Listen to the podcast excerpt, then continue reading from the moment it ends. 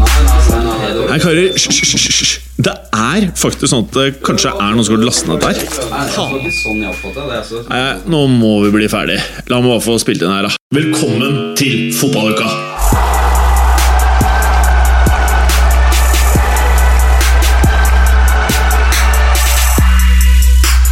Velkommen, kjære lytter. Vi har jo etter vi kom på Spotify faktisk funnet ut at uh, vi har kvinnelige lyttere. Vi har jo vi har kødda om dette her tidligere, men vi har kvinnelige lyttere, og vi har faktisk 25% av dere. Så hei, damer. Ja, I dagens episode så er eh, stikkordet deadline day. Og eh, vi skal jo selvfølgelig da kjøre gjennom alle de største ligaene i eh, Europa. Med hovedfokus selvfølgelig da på Premier League, som vi pleier å gjøre. Eh, men når vi går litt sånn i dybden på alle overgangene, så er det en klubb i eh, et land som ligger på kontinentet, som har stjålet de store overskriftene. Alt dette og veldig mye mer i dagens episode av Fotballuka. Hallo, Morten Gallosen! Hei, Hei. Du, eh, sist så slo det meg at vi glemte jo gjennom T-skjortevalget ditt. Ja, og forrige uke så hadde, jo, hadde jeg jo på meg en helt ny T-skjorte. Fordi ja. ja, nettopp av denne grunn. At Ja. du pleier å snakke om dem. Ja, jeg pleier jo det. Eh, I dag så tenkte jeg vi måtte komme tilbake til gamle takter. Eh, det står eh, Torsida 1984. Eh, for folk som ikke er spesielt eh, beleste, belærte som meg selv. Hva er dette for noe rart? Eh, dette er eh, supportergruppa til eh, den kosovo-albanske klubben Trepcha Mitrovice. Ja, topp. Da min venn Trym var i bryllup der i sommer. Så Ja. kjøpte han med seg denne som en presang til meg. For han vet at jeg liker litt sånn ymse Giftet Trym seg i sommer? Nei, han var i et bryllup. Han var i bryllup, ja. Mm. Nettopp. nettopp Ok. det vil jo Mange vil jo kanskje si at dette er litt sånn hipster-T-skjorte. Hva vil du si? Det er jeg helt enig i. Og jeg vet jo heller ikke hva denne gruppa står for. Nei. Eh, så om de Potensielt sjansespill. voldsomt nasjonalistisk gjeng, f.eks., så er jo det litt sånn Det er bra jeg har en genser utapå. Det er ikke optimalt. Nei. Og baksiden av genseren så var det noe svære, fæle greier. Hva er det for noe? Eh, ja, det er, en logo for denne gruppa, og det er vel Kan, kan ikke du snu også så Preben, stakkar? Kan du få ja, sette han et lite øyeblikk, bare. Ja, dere lyttere. Det er jo god radio, Det er dette her. veldig god Skal vi radio. se, hva er dette for noe? Vet du hva, jeg, Dette ser ut som logoen til eh, Huseierforbundet. men jeg tror det er greit at du har på deg genser, fordi jeg tror vi skal ganske langt til høyre. Ja. Det så litt høyere ut. Det Med lik sveis som oss. Ja, men det, er Skulle ikke forundre si, meg, i hvert fall. det er vanskelig å si ettersom det er eh, nettopp eh, et av de få områdene på Balkan som er eh, primært muslimske. Oh, ja. Uh, Høyreradikalisme blant den type folk er ikke, er ikke fullt så uspiselig som uh, hos f.eks. norske kristne. Ok, la oss si det. Uh, Preben. Ikke så hipster-choice på klærne i dag. Nei, fordi Nei. du har jo en sånn Dørgende kjedelig jobbstil. Hva skal man Blir det mer konservativt? Altså, er vel. Dette her er jo god gamle chinos, da. Litt Ja. Eh, skal man si beigegrønn-aktig, hvis det er Jeg en tror farge vi kan si det, altså. Ja. Og så har du jo da eh, Jeg prøver å se om jeg ser nipples gjennom skjorta. Jeg kan ikke se det. Jo Vent nå litt. Nei, det er veldig veldig varmt her. Har de Så- senka seg litt? Puppene? Ja. Det ville ikke overraske meg. Ja, du har liksom føyd Formen deg blir ikke noe bedre Nei. Ja. Uh, Preben, du, Ja. du kom jo inn her med mye drikke. Jeg gjorde det. Ja, for det er jo fredag, Mm. og det er jo deadline day. Ja, i Spania er det det i dag. Ja, Det var det du øh, mente. Men Deadline Day podcast Det er en del podcast. Det er kanskje det viktigste. Det er det. Ja. Da er det Eh, lov med en øl. Ja, det er lov med en øl. Og det kan vi jo avsløre, folkens, at øh, det kan jo bli rørat. uh, ettersom det er litt øl. Og Mats Berger er ikke i studio ennå, men han, Han kommer. han kommer. Så vi vet ikke. Men det kan godt være at dette blir en uh, liten smak på episode 100 dere får i dag, uh, faktisk. Vi lover ikke noe, men det kan bli en mild episode 100. Uh, jeg tenkte egentlig at i stedet for at vi går rett på programmet vårt, så tenkte jeg bare eh, å kanskje lodde an stemningen Eh, nå som vi har Vi er jo ikke ferdig, selvfølgelig, som, vi, som du poengterte, Preben, med eh, transfervindu i Spania. Og he sikkert ikke i Tyrkia heller, Morten Tyrkia Gallosen. Det var våkent, eh, Jim Hellas eh, Fosheim. Ja, takk, takk. Er Tyrkia åpent? Ja, jeg tror det er en ukes tid til. jeg. De, Rutt. Det er rutt De skal jo sikkert hente en 35 år gammel nederlender fra et eller annet lag i de topp fem store, tenker jeg. Alltids rom for det. Men i hvert fall nå som vi har dette veldig ferskt på oss, det var poenget, da. Uh, by the way, er det ingen som har sett deg vært hos barbereren i dag? Nei. Så hyggelig. Det er godt å Du føle godt at ut. dere eh, tar vare på meg. Setter pris på meg. Ja, Var du barbert? ja ser du ikke det? Ser ut som Robin Hood her. Det er skjegget? Ja. Sånn spist, eller var det som var poenget? Men nå som vi har dette veldig ferskt på oss Ja, Gjør, du- gjør du det spist med vilje? Nå? Ja, nei, men altså De gangene du har spist skjegg, Ja. er det Det skal være spist, liksom? Ja, det greia er at jeg er blitt u Jeg er ikke så god på å bestille på barbershop. Uh, dette er jo den pels-pels-bula på andre siden her som er supertrendy. Og som er, de er veldig flinke, da. Uh, så de spør meg på engelsk 'What do you want?' Og så sier jeg Pointy? på. Jeg sier 'just something that's uh, nice and tight'. Tror jeg jeg så ser de alltid litt rart på meg, så bare 'Do you want it pointy?' Og så sier jeg 'I don't really care', sier jeg da. Ja, der er problemet. Ja. Det er derfor det blir spist. Ja, Men er det feil? Jeg har alltid syntes det så litt rart ut, men jeg har ikke syntes det var uh, Altså, jeg ser jo ganske eksentrisk ut selv, Ja. uh, og har følt at det ikke er mitt bord. Og jeg, dette er jo Jeg en verden skulle jeg se eksentrisk ut i det hele. Du ser digg ut. Takk. Mm. Det ville du også gjort uten spist skjegg. Ja, takk skal du ha. Igjen, hyggelig å føle seg elska i studio. Uh, jeg tenker liksom Hva er stemningen etter og midt i, uh, ut ifra hvilken liga man ser på transfer-vinduet? Hva er stemningen etter eh, det vinduet her for deg, Preben? Mye bedre enn de seneste årene. Eh, de siste fire, fem, seks årene så har man jo hatt skyhøye forventninger. Så har det ikke skjedd en dritt. Eh, men nå skjedde det jo litt. Så det er bra. Det var eh, Men jeg, jeg savner fortsatt den spenningen sånn helt frem til 12-1 på natta. For den føler jeg ikke er der lenger, hvor plutselig Berbatov dukker opp eh, fem over tolv på Carrington. Det er lenge siden vi har hatt de. Det er Det liksom litt mye mer er klart, da. Llorente i går, da. Jorente var en, men allikevel så fikk man jo beskjed tidlig om morgenen at han var eh, hos Tottenham på, på medisinsk, så, Mm. så man visste jo at den kom til å komme i løpet av dagen. Det ble også tweeta ganske heftige bilder lenge før det ble offentliggjort fra klubbene. Ja, det var vel to-tre-fire timer før, så sto han der i drakt og Så er det med Twitter. Ødelagt all spenningen i, på deadline day, egentlig. Ja. For mye informasjon å oppdrive. Er det noe, før vi, vi skal jo inn i detaljer her, men er det noen høydepunkter for deg? Er det noen ting som liksom eh, hvor du sitter igjen og bare Dette er det du kommer til å huske om seks måneder? Fra deadline day så tror jeg ikke jeg kommer til å Eller ikke deadline day, men ting. fra overgangsvindu. Nei, Neymar selvfølgelig er jo den store i hele sommer, og Mhm. Mbappé. Mm. Det er jo de to aller, aller største overgangene.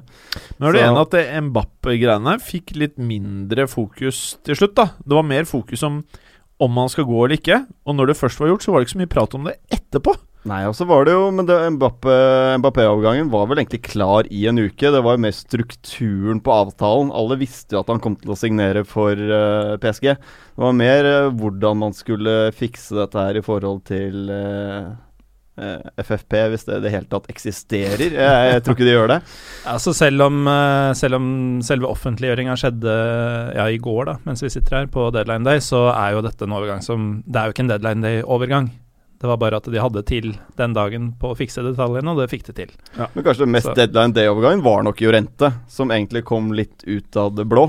Uh, det var ikke der man trodde at Tottenham ville uh, bruke penger.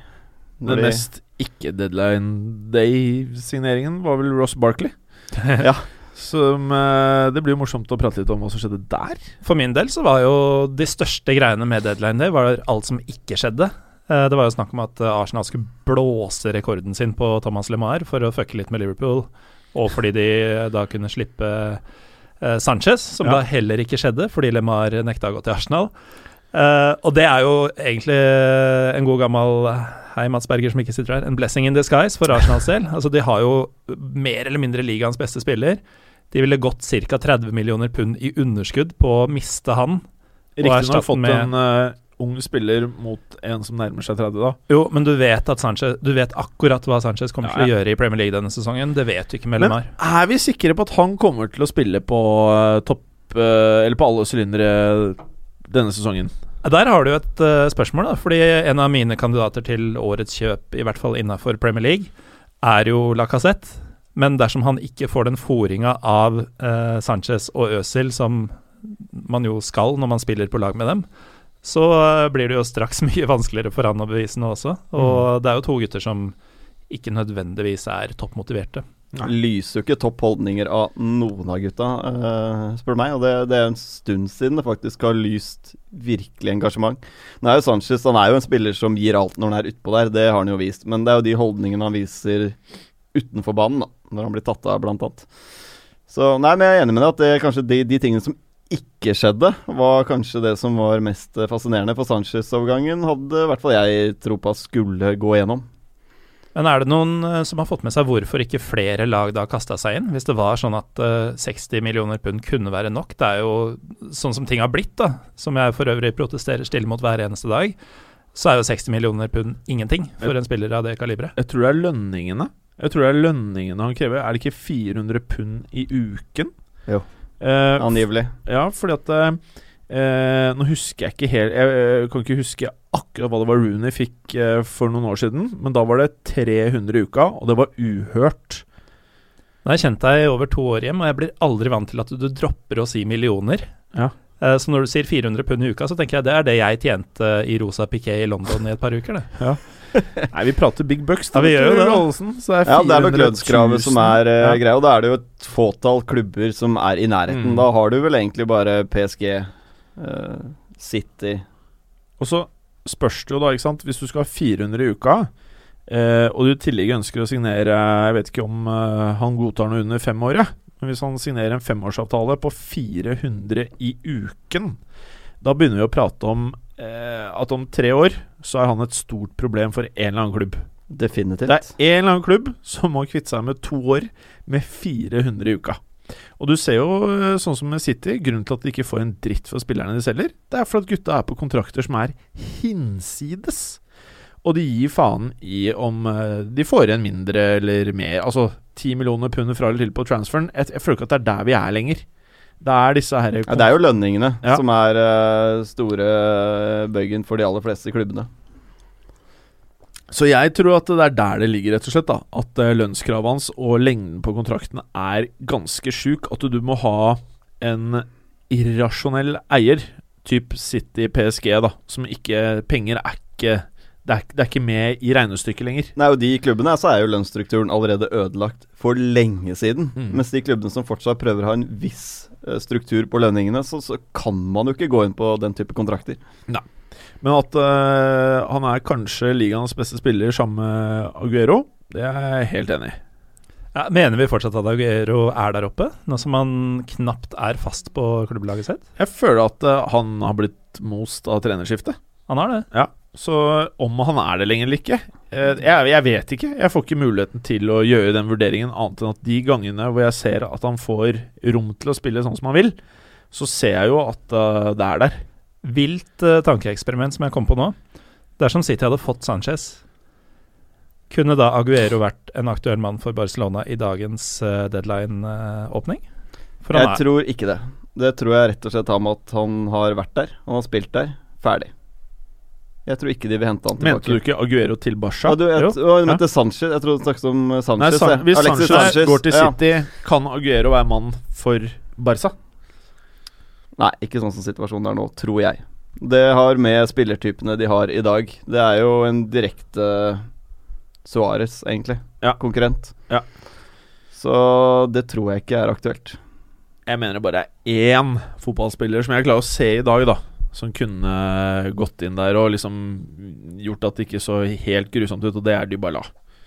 Jeg, ja. jeg, jeg, jeg klarer ikke å se en uh, annen uh, greie der. Både kommersielt, altså han er uh, ung, han kommer til å være en PR-maskin. Og hvis han fortsetter utviklingen, så Jeg føler han kommer til å gå i fotsporene til Neymar, da. Altså at uh, du har den kommende store greia i Dybala. Det er de to gutta da som kommer til å kjempe om uh, Eh, Ballon d'Or. det virker sånn. Eh, kanskje Ascencio. Ja. Altså, og så vil det jo selvfølgelig komme opp nye folk her etter hvert. Det er åpenbart, men Ja. Uh, ja. Eh, Gallosen, Bundesliga jeg, jeg vet ikke, er det vært så mye fokus på Premier League og to klubber i Frankrike denne sommeren her at man liksom Kanskje ikke Og at Bayern var tidlig ferdig, føltes det som. Er, er Hvordan var det i Bundesliga, egentlig? Vi har jo vært gjennom det for et par uker siden, det meste. Det skjedde ikke veldig mye siste uka heller verdt å snakke om. Det har ikke vært de store navnene, det har ikke vært de mest sexy overgangene. Det har jo vært selvfølgelig at uh, siden sist så har vel Dortmund uh, gjort gode penger på en eh, mer eller mindre uslipt eh, diamant. Ikke erstatta han med noen andre enn Andrej Jarmolenko, som omsider forlater uh, ukrainsk liga. Han har jo vært linka til eh, vestlige klubber eh, i hvert fall i fem år. Hvert eneste vindu. Og nå har det da endelig skjedd. I godt voksen alder. Han er vel 27? 28? Er det ikke 29? Ja, sant? Alle vi tror er i godalderen, er 29. Men det jeg tenker er Bundesliga Hvis du tenker ligaen, da, så tenker jeg Bundesliga er den store taperen i overgangsvinduet. Så du ser navn som har forsvunnet fra ligaen uh, i forhold til de andre, da. De andre fem store. Du kan jo si det sånn. Uh, samtidig så er de uh, Altså, det er usexy overganger som har kommet inn, og i stor grad. Men dette er jo spillere som eh, gjerne kommer fra Tyskland, fra Sveits. Har vært veldig mye til diverse tyske klubber. Og dette er jo et markeder som de tyske klubbene kjenner veldig godt.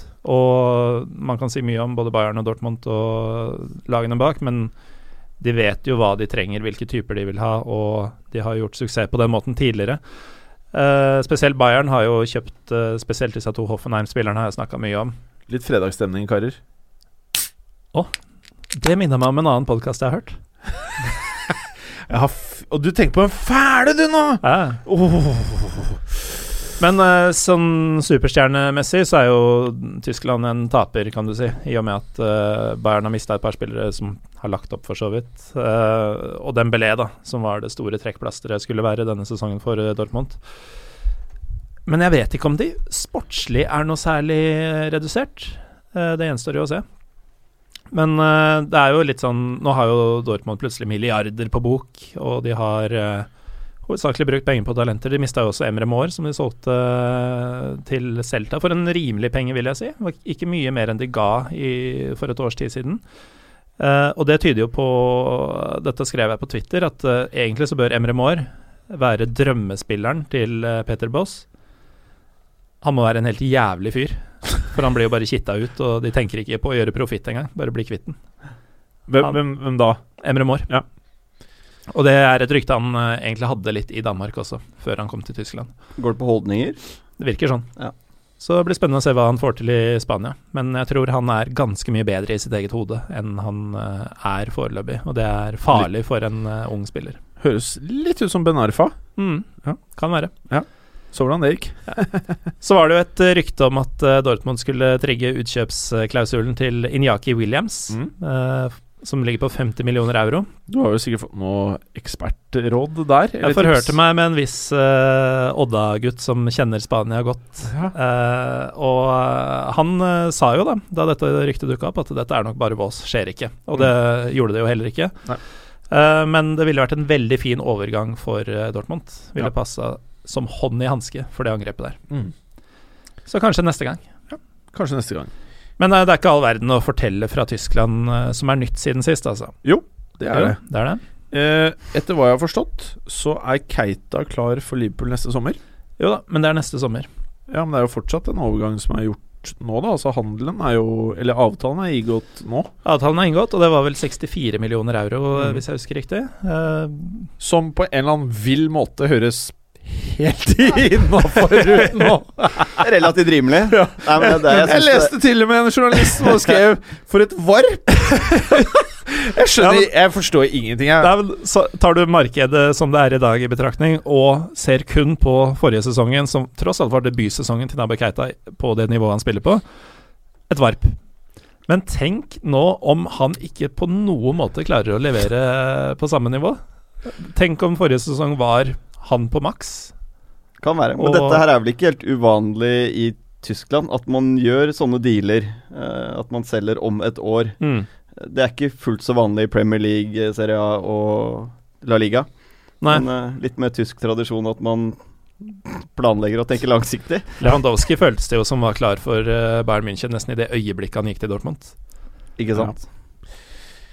Ja, men eh, skal vi se, hva var spissparet til Dortmund da? Da hadde de eh, Hvem var det som Den var gang? før Leva? Det var eh, Lucas Barrios. Ja, det var det, ja. Verdens mest ineffektive spiss. ja. Men var det ikke én til de hadde der òg, som liksom var ganske lovende? Um, det var Barrios Jo, de hadde noen tyske gutter De har hatt noen folk i bakgrunnen som aldri slo gjennom. Julian Schieber var en av dem. Ja. Uh, men uh, jeg tror ikke det er et navn som var oppe på den tida. Jeg var i hvert fall en- Mohammed Zidane spilte der. ja. Egyptiske Zidane. ja, han skulle jo bli noe. Han så jo for landslaget ganske decent ut. Han. Jo, men han også var jo 28 på den tida. Så- ja, ikke sant, nettopp. Ja. Han minner, meg, han minner meg faktisk litt om Salah i spillestil. Zidane? Ja. ja nå tror jeg vi snakker om noen andre. Zidane, ja, Ja. for uh, Egypt. Ja. Ja, ja, Ja, nei, greit. ja. Han var så rask, kjapp. Uh, minner meg litt om han. Men uh, apropos sidaner, så var det jo en eh, Gregor Sidan på Slovenia på slutten av 90-tallet. Han levde ikke opp til navnet. Nei!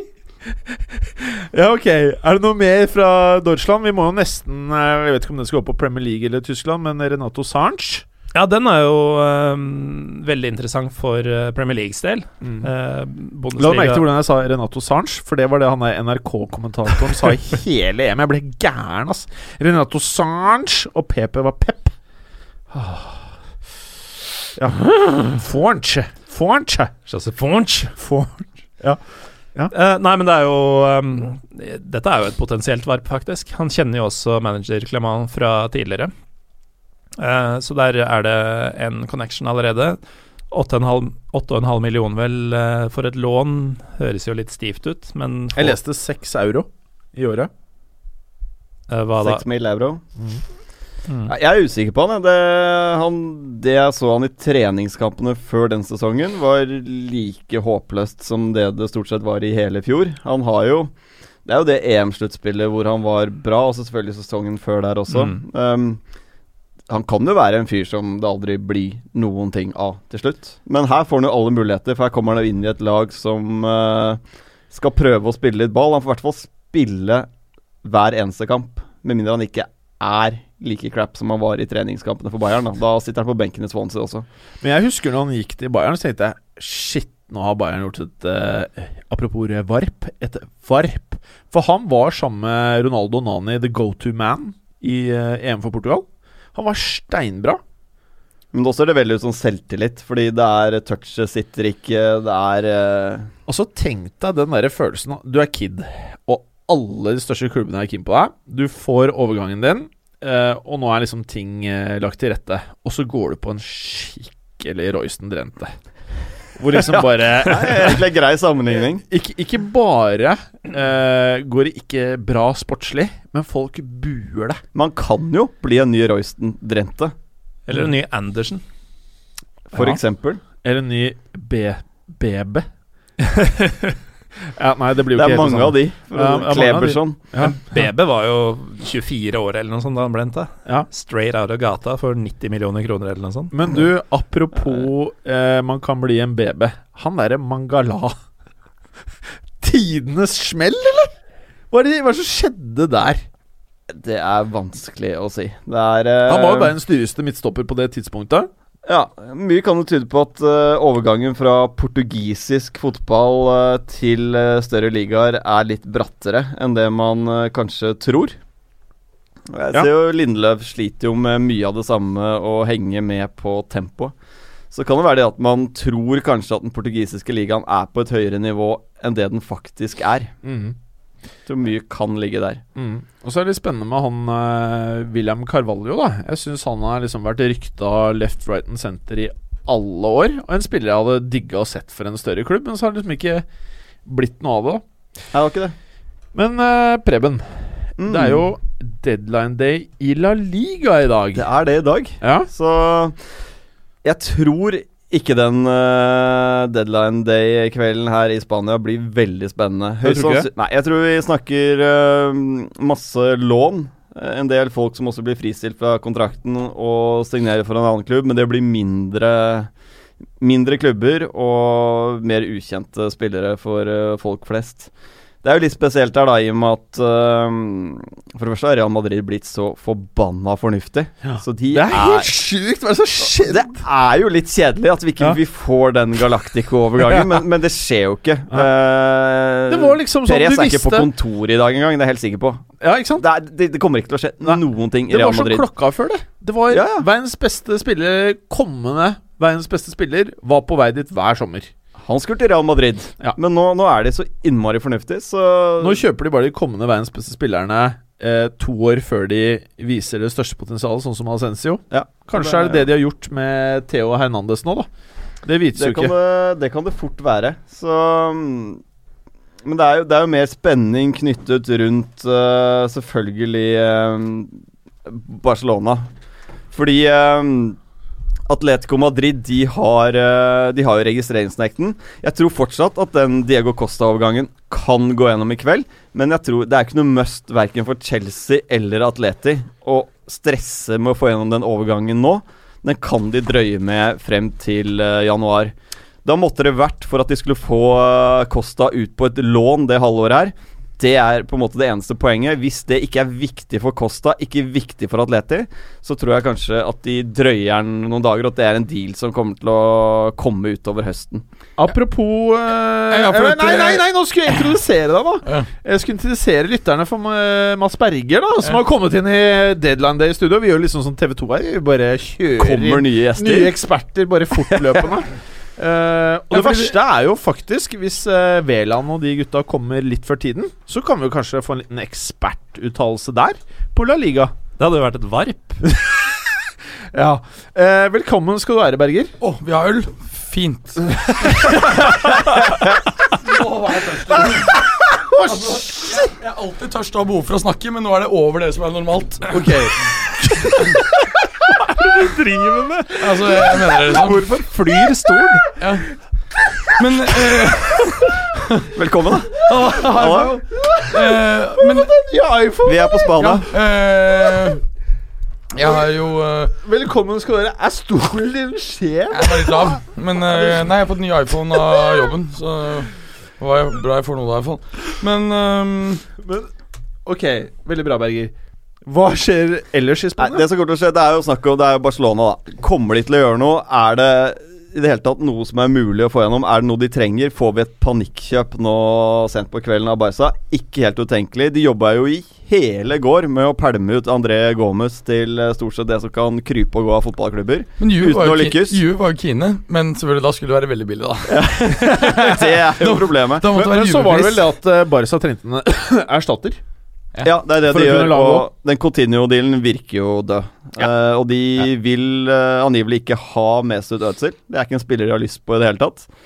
Uh, det kan jeg i og for seg forstå. Ja. Eh, jeg ser ikke at det er noe særlig ledig for de som vil upgrade det laget i kveld. Nei, fordi jeg kommer jo nå fra Liverpool og har jo vært, hatt boots on the ground, for å si det sånn. Og jeg kan rapportere at det er veldig liten stemning for å selge Cotinio, Coutinho, altså. Det, det er det ingen tvil om. Blant folk på gata. Nei, jeg, jeg har snakket med mennesker som har uh, i hvert fall ett ben inne i klubben, sånn ordentlig de gangene på Anfield, og det er, de er veldig klare på, uh, på det, altså. Så, så jeg, jeg, tror, jeg tror han men, men jeg tror at de kommer til å kjøre et ø- Hva skal vi si organisert salg til neste sommer. Det Ja, det tror jeg. Jeg tror eh, Coutinho blir eh, Barca-spiller neste sommer. Det tror jeg er veldig sannsynlig. Ja. Uh, med norske øyne så er jo Sander Berge har jo vært veldig sterkt eh, linket til eh, Sevilla. Men uh, Det tror jeg er Altså Han kunne kanskje blitt optimalt ett år til, men jeg tror det er helt riktig uh, at han blir i Belgia, ja. Ja, ja. ett år til, men altså Ja. det er helt riktig klubb for han å gå til. Ja, ja det, Sevilla er en kjempeklubb å Mm. gå til for uh, Sander Berge. Eh, Det, jeg, tror- altså jeg tror han får spille der også. Mye spilletid. Hvis han går til um, Sevilla, så er det langt større sjanse for at han blir den første nordmannen til å slå gjennom i Real Madrid, enn at Ødegaard blir det. Det kan være et godt poeng. Han har i hvert fall eh, en del forutsetninger for å bli en veldig god fotballspiller. Uffa meg. Men- Men, jeg tror det er lurt å bli i Belgia et år til. Men har dere snakket om Real? Nei, vi har ikke Nei. snakket om Real Madrid. Det vi har snakket om, er at uh, det høyst sannsynlig blir uh, Det skjer ingenting der. Nei, nei, det tror ikke jeg heller. Men det er klart at uh, når vi så i helgen at um, pga. skader så måtte vi bruke Casemiro bak. Det ble 2-2 mot Valencia. Det var ikke en imponerende Men Valencia var bra, syns jeg, da. Det var det. Og de har faktisk hatt godt tak på mm. Madrid, selv når de har hatt denne veldig dårlige perioden de siste årene. Ja, de har jo Er det fem uavgjort på siste syv på Santiago Bernabeu? Ja, noe sånt, det? Mm. Så jeg, jeg syns Valencia også var veldig gode. Og det er litt kult Vi snakket jo om det i previewen også, at Valencia er litt sånn dark horse til å pushe opp mot en Champions League-plass med Marcelinho øh, bak spakene. Mm. Han helt annen disiplin i det Valencia-laget nå enn øh, det noen gang har vært. Og, eller noen gang er Ja. feil å si, men de siste fem-seks åra. Og jeg tror de har gjort en veldig god trade i å bytte Joao Cancelo mot uh, Jeffrey Kondogbia. Åh, du sier det så fint, vet du. Definitivt. Ja. Og den der, Jeg liker den sentrale midtbanen, Kondogbia og Parejo. Så Mm. har du den kreative siden av Kondogbia. Uh, Soler, fantastisk talent. Uh, Gaia, altså det er mange Lato. Det er veldig mange spennende spanske spillere der. Enig. Eh, så er det Sasa på topp, da. Ja, han skårer jo Fantastisk neppe mer enn tolv seriemål i år heller. Men, uh, så det er jo litt av trøbbelet til Valencia, at de, de har ikke den superspissen. da Altså, jeg mener jo han er ganske decent, men Nei, de, virker bedre bakover. Har fått inn Murie også i midtforsvaret. Det er Fint på eh, håret. Du har alltid digga ja. Hvordan sier du det? Du sier alltid så pent. Satsa. Satsa. Mm, Men Satsa. i, i og med at vi Akkurat som Tsatsa Gabor. Han uh, Sasha, Nei. Sasha Gabor. Nei, eh, eh, Sasha Gabor er vel eh, Den pornoskuespilleren. Altså Det sjukeste var jo at en kompis av meg ehm, Nei, han, nei, han bodde nei, jo Nei, han, nei det, er, det er en digresjon som man må høre. Det til å ja. han, bo, han, kan, han har jo norske aner og flyttet jo tilbake til Norge. Nå er han jo død. Så var det en kompis av meg som er en sånn drøy, rar type, som møtte han på byen. Ble kompis med han og hang jævlig mye sammen med han. Det han sa, var at på tross av at han var helt ødelagt og 60, så dro han helt vilt med damer i Oslo. Ja, det har jeg faktisk hørt. Ja. Det har jeg hørt. Mm. Nei, altså, han har knullet mange hjemme hos kompisen min. Vi har jo en E. Og vi har også 22% kvinnelige lyttere. Ja, sånt. nå er okay, det de- plutselig de har hatt, eh, ok, de, de har hatt samleie, da. Ja, ok. Ja. Veldig bra. Har ikke noe med fotball å gjøre. Spiller Sasha Gabor fotball eller noe sånt? Jeg tror han var uh, veldig fan av uh, dette laget fra Ungarn, heter det? Eh. Budapest eh, Dyna Dynamo Budapest? Nei, ja. Nei, det finnes ikke. Nei, okay. Men uh, takk for at du ble med i podkasten nå, Berger. Eh, hva hadde du tenkt å si om uh, de øvrige lagene i La Liga, eller var du Jeg er egentlig ganske ferdig. Jeg, det, det, altså, det blir ingen store overganger med mindre ikke det Barca går uh, helt bananas og kjøper en eller annen spiller de overhodet ikke har bruk for, for fryktelig mye penger. Mm. Men da? eh, Hvem kan det være, da? Gudene vet. Det er, de er uforutsigbare, da. Det kan du i hvert fall si om eh, Barca-styret. Det er vanskelig Altså- å vite hva de tenker. At, at ikke de Der der er det jo null planlegging. Liksom Chelsea og Barcelona Der er det lite planlegging når det gjelder uh, fremtidige transfers. men vi prata jo om at eh, vi kanskje kunne ha noen ekspertuttalelser her. Eh, Petter Jonas, har du lyst til å komme med noen eh, hotte Kan ikke bare Velkommen skal dere være, karer. Kan dele mikk, vi, Petter. Petter. Vi Jonas, kjører du får bare faktisk. hente deg en stol hvis du vil, da. Ja. Eh, Petter, du skal jo kjøre en eh, live-podkast i kveld, du. Og hva skal du ha der? Der skal vi snakke om de siste timene av det spanske overgangsvinduet. Og så får vi inn masse hyggelige, og kompetente gjester som skal snakke om det som skjedde i går. Og de to månedene før det. Så vi tar en ordentlig gjennomgang. Det er fint at jeg har er, hauset opp, da. Våre kompetente gjester. Eh, jeg tenkte bare eh, For vi er innom da eh, La Liga da i sendeskjemaet vårt. Eh, hva mener du er de mest realistiske overgangene av betydning som eh, måtte finne sted i dag, da? Nei, altså Det eneste av betydning som folk flest, eller nordmenn flest, bryr seg om, det er jo hva Barcelona, Real Madrid og Atletico Madrid gjør. Således er det jo med 98% sikkerhet, fordi Real Madrid er ferdig kjøpt og ferdig solgt. Atletico Madrid får ikke lov til å registrere nye spillere, eh, og har derfor bestemt seg for å legge beslag på absolutt alle nøkkelspillere som er der, så ingen kommer til å forsvinne derifra. Barcelona eh, hadde på mange måter muligheten i går til å offloade typer som André Gormes, som eh, Ada Toran osv. Eh, fortsatt muligheten for at eh, sistnevnte kan havne i Tyrkia, så klart. Men det eneste som er det, som det lille spenningsmomentet i kveld, det er jo om de eh, føler seg såpass pressa at de bruker masse penger på spillere som de egentlig ikke har behov for. F.eks. Mesut Özil, Riyad Mares, Thomas LeMar. Det er vel de tre spillerne som kanskje kan være aktuelle dersom de blir såpass desperate når klokka begynner å nærme seg midnatt. Jeg har ofte tenkt på han derre Diego Costa nå. på et eller annet tidspunkt så må det jo skje noe der, føler jeg. Er det realistisk at han kanskje går på lån til en eller annen spansk klubb i seks måneder, eller at det skjer et eller annet sånn, og så stikker han til Atletico etter hvert? Det første scenarioet er umulig. Fordi Atletico Madrid kan ikke leie ut spillere de ikke registrerer. Og de har ikke lov til å registrere spillere før 1.1. Ah. til forskjell fra Vitolo, som jo har kommet fra en spansk klubb og som hadde utkjøpsklausul, som trigga den og ble free agent.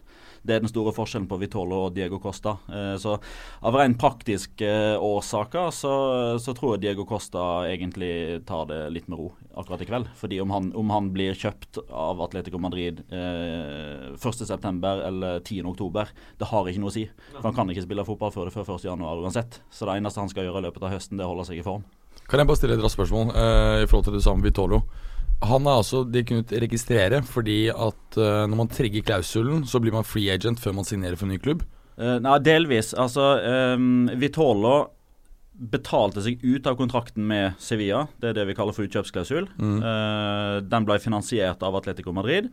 men parallelt med dette her så var Las Palmas inne i bildet. Så når Vitolo kjøpte seg fri og ble free agent, så signerte han en kontrakt med Las Palmas ut året. Ja. Og så har han signert for Atletico Madrid fra 1.1.2018. Men han må altså vente til uh, 1.1.2018 før han uh, blir en del av Atletico stall, da. Korrekt. Nettopp. Mm.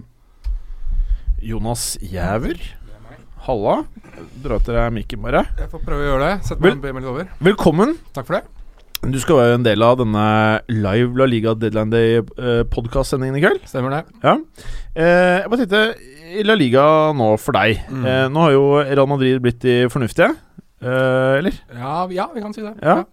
Atletico Madrid er no-shows, ja. og Barcelona er de gærne, eller? Det er vel blitt litt sånn, kanskje. Det er vel Real Madrid og Barcelona har byttet litt roller, kanskje. Ja. I, den ene er litt trigger-happy og bruker altfor mye penger på spillere som uh, de kanskje ikke burde bruke så mye penger på, mens den andre er mer ja, rolig og balansert på overgangsmarkedet. Vanligvis var det Barcelona, og nå har det blitt Real Madrid. Det er litt rart. Ja, jeg syns ikke det er så ille. Jeg liker det egentlig ganske godt. Ser du noen spiller eh, Barcelona kunne henta nå, hvis de hadde planlagt litt annerledes, mm. eh, og de hadde vært litt smarte på dette her og kanskje henta noe før de, de, måtte slippe Neymar, mm. er det noen spiller der ute eh, som ikke spiller i Real Madrid, som kanskje kunne gjort en eh, ok jobb i Barca? Erstatt støtte han på en eller annen måte? Det er et godt spørsmål. Jeg ville vil nok sagt Kylian Mbappé uh, før han signerte for, uh, for Paris Saint-Germain. Jeg tror at uh, hadde ting vært mer balansert og mer rolig og mer planlagt i Barcelona Tilsynelatende så har ikke dette overgangsvinduet vært planlagt i det hele tatt. så hadde de kanskje hatt øyne på han og kanskje forstått det at nå har Neymar og faren hans holdt på og bråka og styrt på i ni-ti måneder. Han har fått ny kontrakt, og fortsatt så ulmer det noe. Hvis jeg hadde vært uh, ledelsen eller Bartomeo i Barcelona, så hadde jeg kanskje forstått at vi burde i hvert fall ha en reserveplan her. Mm. Og det er veldig tydelig at de ikke hadde. Uh, og førstevalget mitt da ville vært Mbappé, og jeg mm. tror at det ville vært uh, mulig å gjøre. Jeg tror at Mbappé sikkert hadde vært en spiller som hadde på en måte solgt inn det at du skal inn sammen med Messi, du skal inn sammen med Suárez, du skal lede oss inn i framtiden. Uh, I det scenarioet der, hvis du hadde på en måte solgt Mbappé på det, så tror jeg du hadde fått han til Barcelona. Men uh, jeg synes ikke at de har gjort uh, så veldig mye dumt i, i å hente Dembélé. Det er en annen type enn Neymar er. Kanskje ikke en like stor individualist, men en spiller med et helt vanvittig stort potensial som de kan på en måte ja, forme litt sånn som de selv ønsker. Jeg, jeg, er bare litt usikker på om han kanskje får et for, for stort ansvar for en for stor klubb uh, i den alderen han er. Mm. Du har jo sett uh, mye Dembélé-gen. Da vi uh, satt her for en uke siden, eller en uke og en dag, så var det på dagen to år siden han spilte fransk femtenivå for andrelaget til Toulouse. Nå koster han flere milliarder og skal erstatte verdens dyreste fotballspiller på en av verdens tre største klubber. Mm. Det, jeg tror jo uh, isolert sett på spilleren, uh, også i, uh, på han i Barcelona. Men om han er klar for Eller om han er klar over hva han faktisk har gått inn i nå. Og ikke minst så var han jo en kjæledegge for veldig mange hele fjorårssesongen. Nå har han vist seg som en aldri så liten kønt. Eh, så han har jo en del eh, fiender som skal se på, og så har han jo et vanvittig press å forholde seg til. Og det hadde han jo faktisk aldri i Dortmund, selv om han kosta litt penger. Nei, vi har snakket mye om Barca. Det er jo det er ikke nå i sommer at alt har gått gærent for Barca. Det er jo over flere år hvor man har hatt uh, store problemer. Altså Messi har jo båret dette laget her på skuldrene i flere perioder. Og når Messi har vært ute, så har det vært Neymar som har hatt det hele laget her på skuldrene. Så det har vært veldig avhengig av enkeltprestasjoner. Laget er det lenge siden har sittet godt sammen. Uh, en spiller som jeg eh, liksom eh, har lekt meg veldig med, da Nå er jo uh, Mats Berger Jeg vet ikke om dere er klar over det, men han er Juventus-fan, da. Uh, jeg har jo lenge ment at hvis det var én spiller som kunne dratt til Barca, og som hadde vært en både PR-messig, alder, utviklingspotensialet, rette tenner Alt dette greiene her. Eh, så var jeg lenge på dette her med at eh, om det er en eh, Jeg Nå kneskålen din med foten din like for like vet jeg ikke. Men jeg har lenge tenkt at hvis jeg satt i Barca-styret, så hadde jeg prøvd å riste løs Dybala. Hva tenker du om det, Jonas? Jeg, jeg, synes at uh, Dybala er veldig veldig spennende. Og igjen, det er en spiller som er såpass ung at du kan uh, forme han litt sånn som du ønsker. Nå har han vist et ekstremt uh, høyt potensial i Juventus. Han har Uh, egentlig blitt en leder for laget der, i hvert fall offensivt. Uh, bakover der så har du jo, har du hatt Buffon, Bonucci Nå har han gått til AC Milan, selvfølgelig, men du har på en måte hatt en stamme. Men foran så har han nesten blitt gitt det laget og sagt at gjør litt sånn som du vil offensivt. Og det, og det syns jeg er spennende, og det er et ansvar han har tatt på seg veldig. Jeg husker da han, han spilte i Palermo uh, og var på en måte nevnt som en sånn ny Carlos Tevez-type. Og jeg synes det er ganske interessant å se at han har liksom tatt den rollen Tevez hadde i det Juventus-laget, og gjort det til sin egen. Uh, men for å gå tilbake til spørsmålet, det var en litt, litt lengre digresjon. Ja, jeg liker det. Uh, i, i, det systemet Barcelona spiller nå, så må, jeg føler at han må ha en mer sentral rolle. Han må inn sentralt i banen. Uh, å få lov til å delta, komme ned i spillet og, og være, være, mye mer delaktig. Og den rollen har Lionel Messi. Og den rollen uh, tror jeg Messi er veldig fornøyd med å ha. Nå har han selvfølgelig blitt flyttet litt ut på høyre osv., osv., men jeg, jeg lurer litt på om det blir uh, for mange kokker og for mye søl hvis de to skal spille sammen nå. Men jeg synes, hvis de skal se på en erstatter for Lionel Messi på sikt La oss nå si at Manchester City neste år skal begynne å kjøpe utkjøpsklausuler og sånt nå. Så er han førstemann på min liste, uten ja. tvil. Hva tenker du om Dybala til eh, Barca Velland? Jeg støtter meg ja, veldig mye på det Jonas uh, sier. Uh, nå, jeg var i utgangspunktet heldig, da, syns jeg, som fikk lov til å kommentere Uruguay mot Argentina natt til i dag. Følte meg ikke så veldig heldig underveis, ei heller etterpå, for den var dørgende kjedelig. 0-0. Messi og Dybala spilte sammen. Det funka ikke. Men men så klart, det var vel Om ikke første gang, så i hvert fall en av de første gangene de to starta sammen. altså med Icardi på topp i stedet for Iguain eller, eller Aguero. Så det er klart, det er jo et eventuelt samarbeid som hadde utvikla seg, så klart. Og to kjempegode fotballspillere. Eh, altså Pluss og pluss blir jo pluss, som regel. Så, så det hadde sikkert funka bra, det. altså, men om det hadde vært førstevalget mitt, det er jeg litt mer usikker på. Eh, men jeg har ikke noe bedre svar på hvem som hadde vært eh, best. Men det er rett og slett fordi jeg, jeg syns Barcelona som klubb mangler en plan, både på og utenfor banen. Altså Valverde kom inn med sine ideer, så får vi se hvordan han former laget sitt. Men under Guardiola så var alle eh, liksom veldig klar over måten Barcelona spilte fotball på. Under Tata Martino så var det et salig kaos. Eh, under Tito Villanova så var det litt bedring, fordi han hadde gått den samme skolen som Guardiola. Eh, Luis Henrique eh, begynte ganske bra, men eh, etter hvert som tida gikk der, så ble jo midtbanen fullstendig neglisjert. En av grunnene til at Barcelona ikke var så gode som de en gang var. Så får vi se hva Valverde gjør nå. Så eh, altså, Dybala, fantastisk fotballspiller. men om han hadde passa så veldig bra ved siden av Messi jeg er usikker. Ja, fordi det, det, jeg har tenkt på i forhold til de ryktene som har vært rundt i balla, er jo at han er venstrebent. Eh, og skal han da spille på venstre, så må det være da at du skal skyte mye innlegg. da. Du kan ikke dra deg innover banen og skyte like lett. Det virker ikke logisk. Eh, når han trekker ut på kant, så er det alltid ut på høyre. Det, han er ikke kompatibel, eh, er mitt, min take, da, med, med Messi og, og Suárez. De tre. Da har du på en måte Da er du jævlig godt stacked i midten. Hvor glad ble du for at gutta var enige med deg her? Eh, nei, altså jeg har jo hatt mine resonnement, så det er ikke sikkert Men jeg, det er hyggelig å få det bekreftet at uh, andre som også uh... Jeg tror du er jævla glad, Mats. Men da skal jo alle Barcelona-supportere være veldig glad for at de har fått Dembélé, for han vet jo ikke hvilket, hvilket bein han er best med. Jo, han vet jo ikke selv. Det er jo, han er jo, skyter jo straffe med ett bein og innlegg med det andre. Og når han ble spurt om det, så sa han, sa han vel det at du skjøt straffe med, med venstre ben. Hvilket, hvilket ben er det du liker best? Nei, det er høyre. Altså, hvilket ben er det du, hvilket ben er det du kommer til å spille med framover? Jeg tror det blir høyre, men jeg vet ikke. var vel noe han sa. At han liksom sto og så litt sånn rundt må jeg, må jeg velge et ben jeg skal være best med? Er det sånn det fungerer i fotball? Han var litt usikker. Det er jo noe av det flotteste med han, at han faktisk er eh, Han har vel Hva er det den tilstanden heter når du er eh, Tobent. Det har et annet latinsk uttrykk jeg var ute etter, men eh, vi, kaller det bare Ambidekstriøst, det er det ja, ja, Helt riktig. Det er det der. Betyr ikke det tobeint? Ja, det er hakket finere når det eh, når det er på latin. Men, Svebeint, kanskje? men, eh, men eh, Nei, så jeg har egentlig ikke vært så redd for disse ryktene med Dybala, og de har jo heller ikke vært veldig fremtredende, syns jeg, utover sommeren. Bra. Er dere keen på å være med? Vi skal gjennom uh, Serie A og Ligø eller skal dere forberede dere til sending, kanskje? Bli med, da. Vi kan uh, har vi Ja, ok. Konge. Takk skal du ha, Petter. Eh, Mats Berger. Jonas ble han. Ja. Ja, Ja. Jonas eh, ble.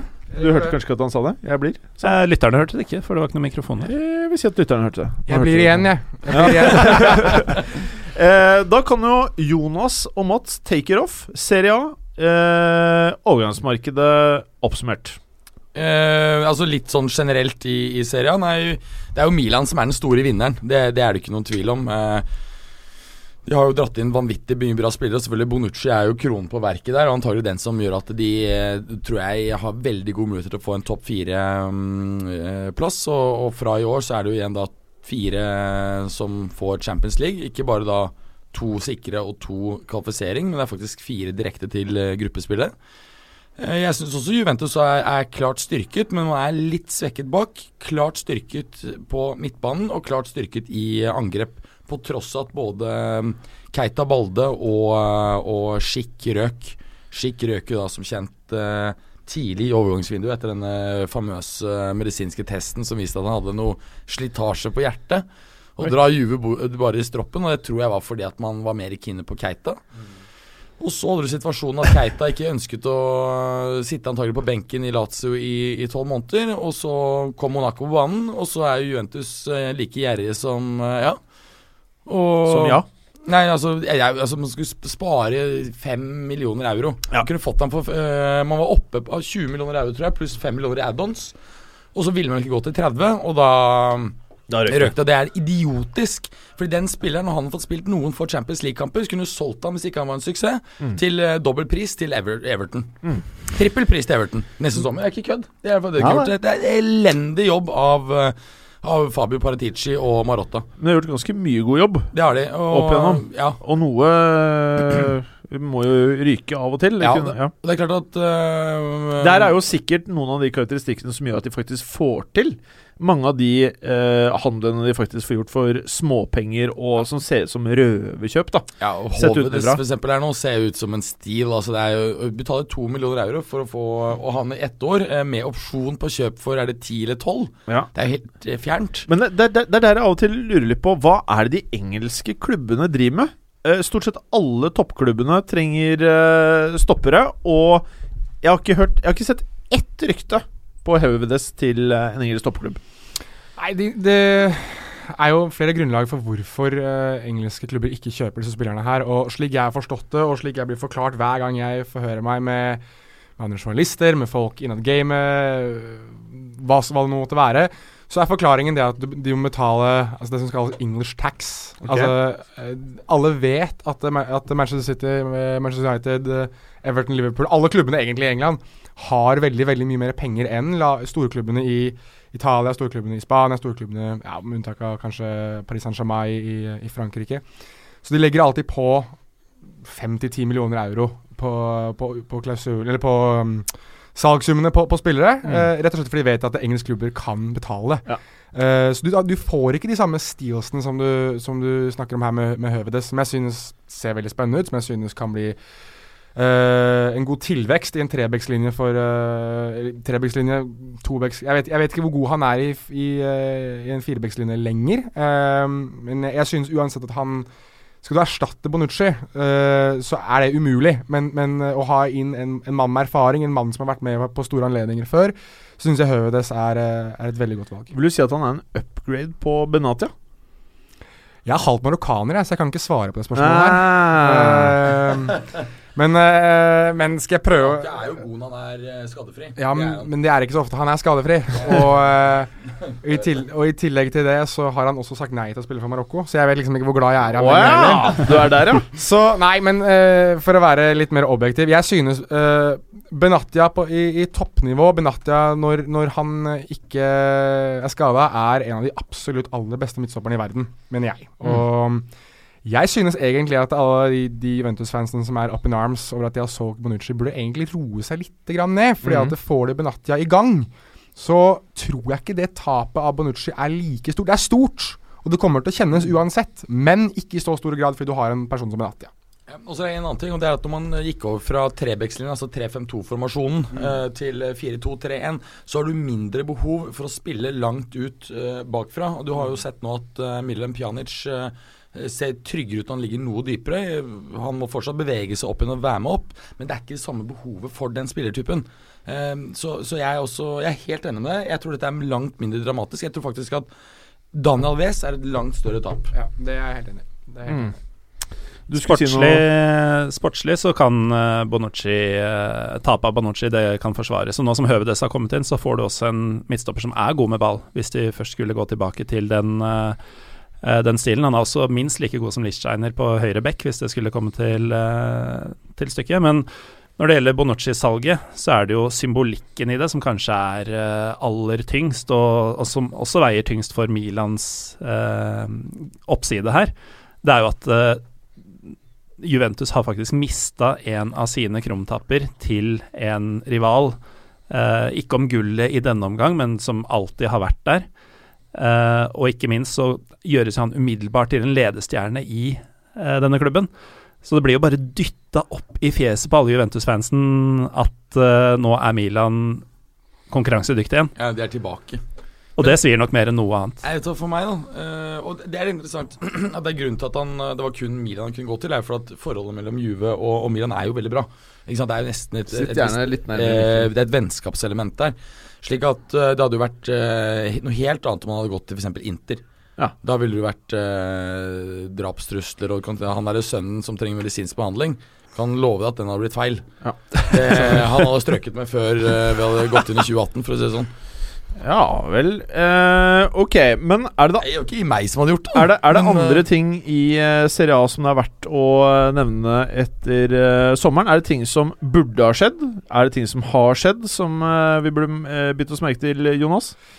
For meg, Jeg syns at de ikke snakker nok om Milan. Jeg, Eh, jeg synes at det de har gjort på overgangsmarkedet, og de spillerne de har rekruttert, og for de prisene de har fått spillere, er fantastisk bra. Altså De har jo kjøpt seg et nytt lag. De ser jo Ja, Det er vanskelig å si, for vi har på en måte ikke sett de over lengre tid. Men jeg synes det ser ut som en klar tittelfavoritt sammen med Juventus. Juventus fordi det er Juventus. Uh, men med spillere de har fått inn, så Altså, det er et helt nytt lag. Det er, det er, det er en Milan som ser ut som de har lyst til å kjempe om tittelen igjen. Og i tillegg, kanskje den aller største signeringen er jo at de har fått Donnarumma til å bli i klubben. Ja. Det er jo eh, Det er noe som man eh, Det ble Altså, det her ble, var jo en snakkis til å begynne med i sommer. Ja, og og han ble kasta penger på og alt dette her. ja. Og så har man ikke prata noe mer om det, Nei. fordi det ble liksom landa ganske tidlig. Ja. Men det er jo som du sier, det her er nok antageligvis det, det største, da. Mm. Uh, det med Donnarumma er jo også veldig symboltungt. Uh, litt som Bonucci-signeringa. At det her kan vi både knytte til oss og beholde eh, de absolutt største og de som skal bygges lag rundt. Ja. Men det som imponerer meg med Milan i sommer, er at de har ikke bare kjøpt for å kjøpe. De har uh, tilsynelatende i hvert fall hatt en eh, ganske klar plan, og det er at disse spillerne de skal passe inn i den fotballen vi spiller nå, under Montella. Eh, og det er klassespillere som kanskje har vært litt under radaren for ja, spesielt Premier League-klubber. da.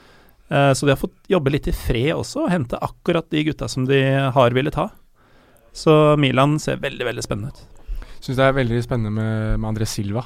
Ja, Mm. veldig. Som, eh, som Du sier at det er mange klubber som i, i England som ikke har, har fulgt med i timen. Men han er det jo en som mange har fulgt med i timen på. Som mange har bitt seg merke i at han her kan Første gang man snakker om en portugisisk spiss siden Pauleta, liksom. Det er, det er André Silva, og, og plutselig, ut av det blå, så sitter han i, på Milanello og skal signere for, for AC Milan. Det er et kupp, synes jeg. Eh, jeg syns også Frank Kessier ser helt latterlig Er det sånn han sier det? Kessier. Vi har sagt Kessie. Ja, dere har det. Jeg tror det er en ja, Dere eh, har, du. Hva har du har sagt, da? Kessier. Ja, du har det? Han har vel en uh, abstrof over e-en sin. En uh, aksent aigu, som det heter. ja, nettopp. Aksent heter det. Ikke apostrof, aksent heter det. Eh, apostrof er noe helt annet, det burde jeg vite. Så Kessie Kessier. Kessier Kessier. Kessier Ja. Han eh, mener du kanskje er da største liksom, egen etter Silva? For jeg tenkte kanskje at det var eh, Jeg hadde sagt Hvis vi ser bort fra Bonucci. Bonucci, se bort fra Bonucci da Hvis vi tenker Bonucci er én. Én, det, det, det kan vi okay. ikke argumentere, tror Det jeg. er Bo Bonucci, og så er det Fabio Borini, og så er det Kan godt være jeg uttaler dette her feil òg, men Shalnoglu? Shalanoglu? Shalanoglu. Shalanoglu? Ja, Dere er på viddene, begge to. Hva er det Er da? det? Chalanolo. Chalanolo? Nei, den, den G-en skal du liksom Du skal liksom svelge den G-en, har jeg hørt. Ja, den er er ikke der. Den gjør Nolo? O-en foran litt lengre, men uh, G-en er ikke der. Jeg kjører lenge til, da. Chala Sorry. Chalanolo. Chalanolo? Chalanolo. Chalanolo. Chalanolo. Tror du. Chalanolo Hakan. Hakan. Enkelt. Eh, hva tenker du om han? Passer han inn i eh, dette Milan-laget? Det er for tidlig å si, altså. Mm. Jeg liker ikke han så godt, jeg. Syns, Åh. jeg syns ikke han er Jeg synes han er eh, Han er blitt hypa veldig for han kan skyte frispark fra hvor som helst og score, og det er greit, det. Um, det kunne Sinica Mihailovic på et tidspunkt òg, og Junino Pernambucano kunne også gjøre det, men de var ikke world beaters på noen som helst måte. Um, teknisk og god, treig som et kjøleskap. Uh, jeg er ikke solgt, jeg er ikke solgt, men, men, han, kan, men han kan bli spennende. Det, det, Nei, det- kan jeg være enig med i, at i, Italia så kan det fungere. Uh, og, og det er eh, spillere som har vært enda seigere i rumpa, som sikkert har fått det til bedre enn han. Men, men jeg synes uansett det at han har blitt hypa opp og blitt uh, showcasa som noe kjempevidunder fordi at han kan skyte frispark. Og det Ja, jeg kjøper ikke helt det, da. Nei. Nei. Men det er også en annen eh, spiller fra Milan, eller som har kommet til Milan, eh, fra Atalanta, nemlig Andrea Conte. Kanskje den mest spennende høyrebekken. eh, at ikke Juve var på han. Han er en uttalt Juventus-fan. Og man mister altså Daniel Aves Man vet det tidlig, og så greier man ikke å gå inn og betale de 10-12-15 millionene. Nei, fucking skandaløst, altså. Ja. Eh, ja, nei, det er veldig rart. Så, Men han kommer til å bli, tror jeg, veldig, eh, veldig bra. Jeg tror også Rodriges kommer til å bli bra på venstrebekken. Oh yeah. Eh, og så har vi jo da eh, et Napoli-lag som jeg faktisk nå eh, har sett flere eh, har satt opp som eh, seriøse title contenders. Hva mener du om det, Jonas? De var gode i fjor, Ja. og de har vel beholdt det aller meste, må jeg tenke meg litt fort om. De har vel, er vel ikke noe mista noe særlig heller. Pepper Reina, det ble ikke noe av Pepper Reina Nei, til nei. eh, PSG? Nei. Det, det, er, Nei. liksom, de er litt mer samspilt enn i fjor. Eh, nå får da, når det er både Milik og Dris Mertens det- De er så jævlig samspilte. Um, jeg tror de vi- vi Slipper de skader, så kan de fort vinne i år. Jeg vil si at de har 30% sjanse for å vinne, i min bok. Oi, nå holder jeg på å ødelegge PC-er her. Uh, det var ikke meningen. Jeg, jeg synes at uh, det at de klarer å beholde så mange av de beste spillerne sine, uh, får et år til på baken Jeg synes at det at de har klart å holde Kalidou Kolibali, synes jeg har vært utrolig imponerende. Midtstopperen deres. Han er jo et monster av en stopper. eh, og har et ekstremt høyt potensial. Og I tillegg til det å ha det angrepet de har, og uh, Sarri, som, som står vel for uh, Utenfor banen så står han ikke for så mye positivt, men på banen så står han for det, den gode fotballen og den offensive angrepsspillet i fotballen. Så jeg, jeg tror at uh, med ett år på baken og, og et lag som er mer samkjørte nå, så kan de være en liten utfordrer, de også. Jeg har de kanskje i den bracketen like under eh, Milan og Juventus, tror jeg. Nettopp. nettopp Og, Du og rater Milan eh, over Napoli eh, som, i forhold til tittelsjanser? Ja, jeg, jeg gjør det, men jeg gjør det fordi jeg synes at det de har skaffet seg, er så imponerende. Og eh, hvis du ser på den stammen i det laget, og hvis alt sammen klikker der, så kommer det til å bli helt vanvittig. Det er litt sånn kitteldynamitt med det, med det Milan-laget der, at enten så blir det jævlig bra, eller så kommer det til å være en sånn sesong hvor de ender på femte-sjetteplass. Uh, føler jeg vel kanskje fjerdeplass. Jeg, jeg, jeg tror bare at de har mange positive, flere positive enn negative for, for en gangs skyld. Det begynner mange år siden jeg kan si det om et Milan-lag. Ja. Men, men eh, det må klikke også. Men jeg, jeg tenker, når, når midtstopperparet ditt kommer til å være Bonucci og Romagnoli, og du kan bytte ut Romagnoli og Bonucci og sette dem på Musaccio da har, du, da har du bredde, altså. Da har du bredde i viktige posisjoner. Og den midtbanen deres ser bra ut, angrep ser bra ut. Faber Borini kommer til å skåre 15 mål i Europaligaen. Det blir kjempebra. Altså, jeg, jeg er enig i det. Jeg bare tror, tror det kommer til å ta lengre tid å få disse ordentlig samspilt. Derfor så har jeg ikke de mer enn på tredje-fjerdeplass i, min- i min bok. da Men de er- overraskende bra i sesonginnledningen. Ja. Altså De to første matchene jeg har sett med Milano. Jeg er veldig imponert over at det har satt seg så fort. da Med så mange nye spillere, så ser det ut som det klikker. Men eh, et lag som vi ikke har prata så mye om eh, egentlig, da, det er jo Inter Milan. Eh, Inter Milan i dette overgangsvinduet, hvordan uh, skal vi beskrive det for deres del? Kan jeg bare, siden Ja, jeg ja, har blitt ja. besserwisseren og siden Jonas dukka opp eh, Når du sier Inter Milan, så snakker du om Internasjonale og AC Milan. Du sier begge klubbene samtidig. Ja. Inter Milan finnes ikke. Takk for innspillet. Internasjonale har Jeg er også, altså, te- altså Veldig mange sier jo Inter Milan, men er det mener at det er feil? Det er som å Altså- si Rosenborg-Trondheim.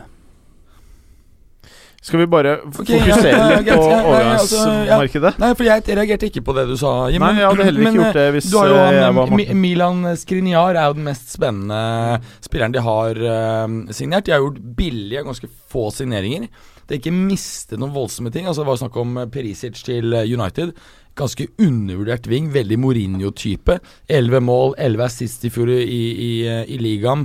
Eh, stor, sterk. Han er nesten en 90 høy. Veldig unormal kroppsbygning for en ving, og kjapp. Eh, og han jobber hardt bakover også, i hvert fall tidvis. Og for dere lyttere så sitter Jonas nå og nikker veldig bekreftende til det Mats sier, så jeg, jeg, jeg stoler på dette. Jeg, nå. Ja, ja. Ja. Og, og eh, det er klart at når du har fått Spalletti, som er en ekstremt dyktig trener Milan eh, Skriniar, som kom fra Sampdoria, er en utrolig dyktig, eh, undervurdert midtstopper. Han er det rart at ikke de prøvde å hente til Premier League. Han Mm. takler veldig lite. Årsaken er at han slipper å takle. Mm, det var deg, det, Gallosen. Han, han avskjærer og fikser ting før de kommer til et punkt hvor han må takle. Og det er typisk smart eh, og, og veldig, hva, heter det Altså når du prøver å ta ting før de Altså ikke pro proaktiv. Ja. Proaktiv, ikke reaktiv midtstopper. Og når han først må i ilden, så har han jo fysikken til å ta hvem som helst. Men, men, men eh, Jonas, eh, hva man skal si er Inter? Inter? Eh, jeg sier Inter Milan. jeg. Internasjonal. Ja, Eh, jeg bare håper å si Hva burde Inter ha gjort i sommer? Er det, jeg, jeg føler liksom ikke mm, Med de eierne man har prata om og alt dette her Jeg har vel følt at det skulle være en litt større sommer fra Inter. Spesielt som en når du har sett at naboene i byen har gjort såpass mye og kanskje er, uavhengig av land, kanskje overgangsvinnerne i sommer? Ja, det er et godt spørsmål hva de egentlig kunne, burde uh, ha gjort. Hva de kunne ha gjort, er litt vanskelig, fordi det ser ut som alle andre har vært litt dem i forkjøpet. Og nå, nå har de altså, ny trener, eh, ny, ny sportsdirektør òg. Sabatini er vel inne nå, i, kom inn nå i sommer. Så det har vel vært en sånn slags omveltningsposisjon, eller at de skal prøve å finne seg selv litt på nytt igjen. Og det er jo typisk Inter, det. og Nye eiere og, og ny sportsleder, ny trener, ny satsing. Eh, og egentlig så syns jeg det er litt fint ja, at de har beholdt veldig mange av de samme, samme personene. Samme personellet som de kan bygge rundt. Og jeg synes at de, at de, de har klart å beholde uh, Mauri Cardi. Eh, ikke det at jeg tror at det er så mange som har så veldig lyst på han utenfor banen. Eh, sånn, Nei, men på banen!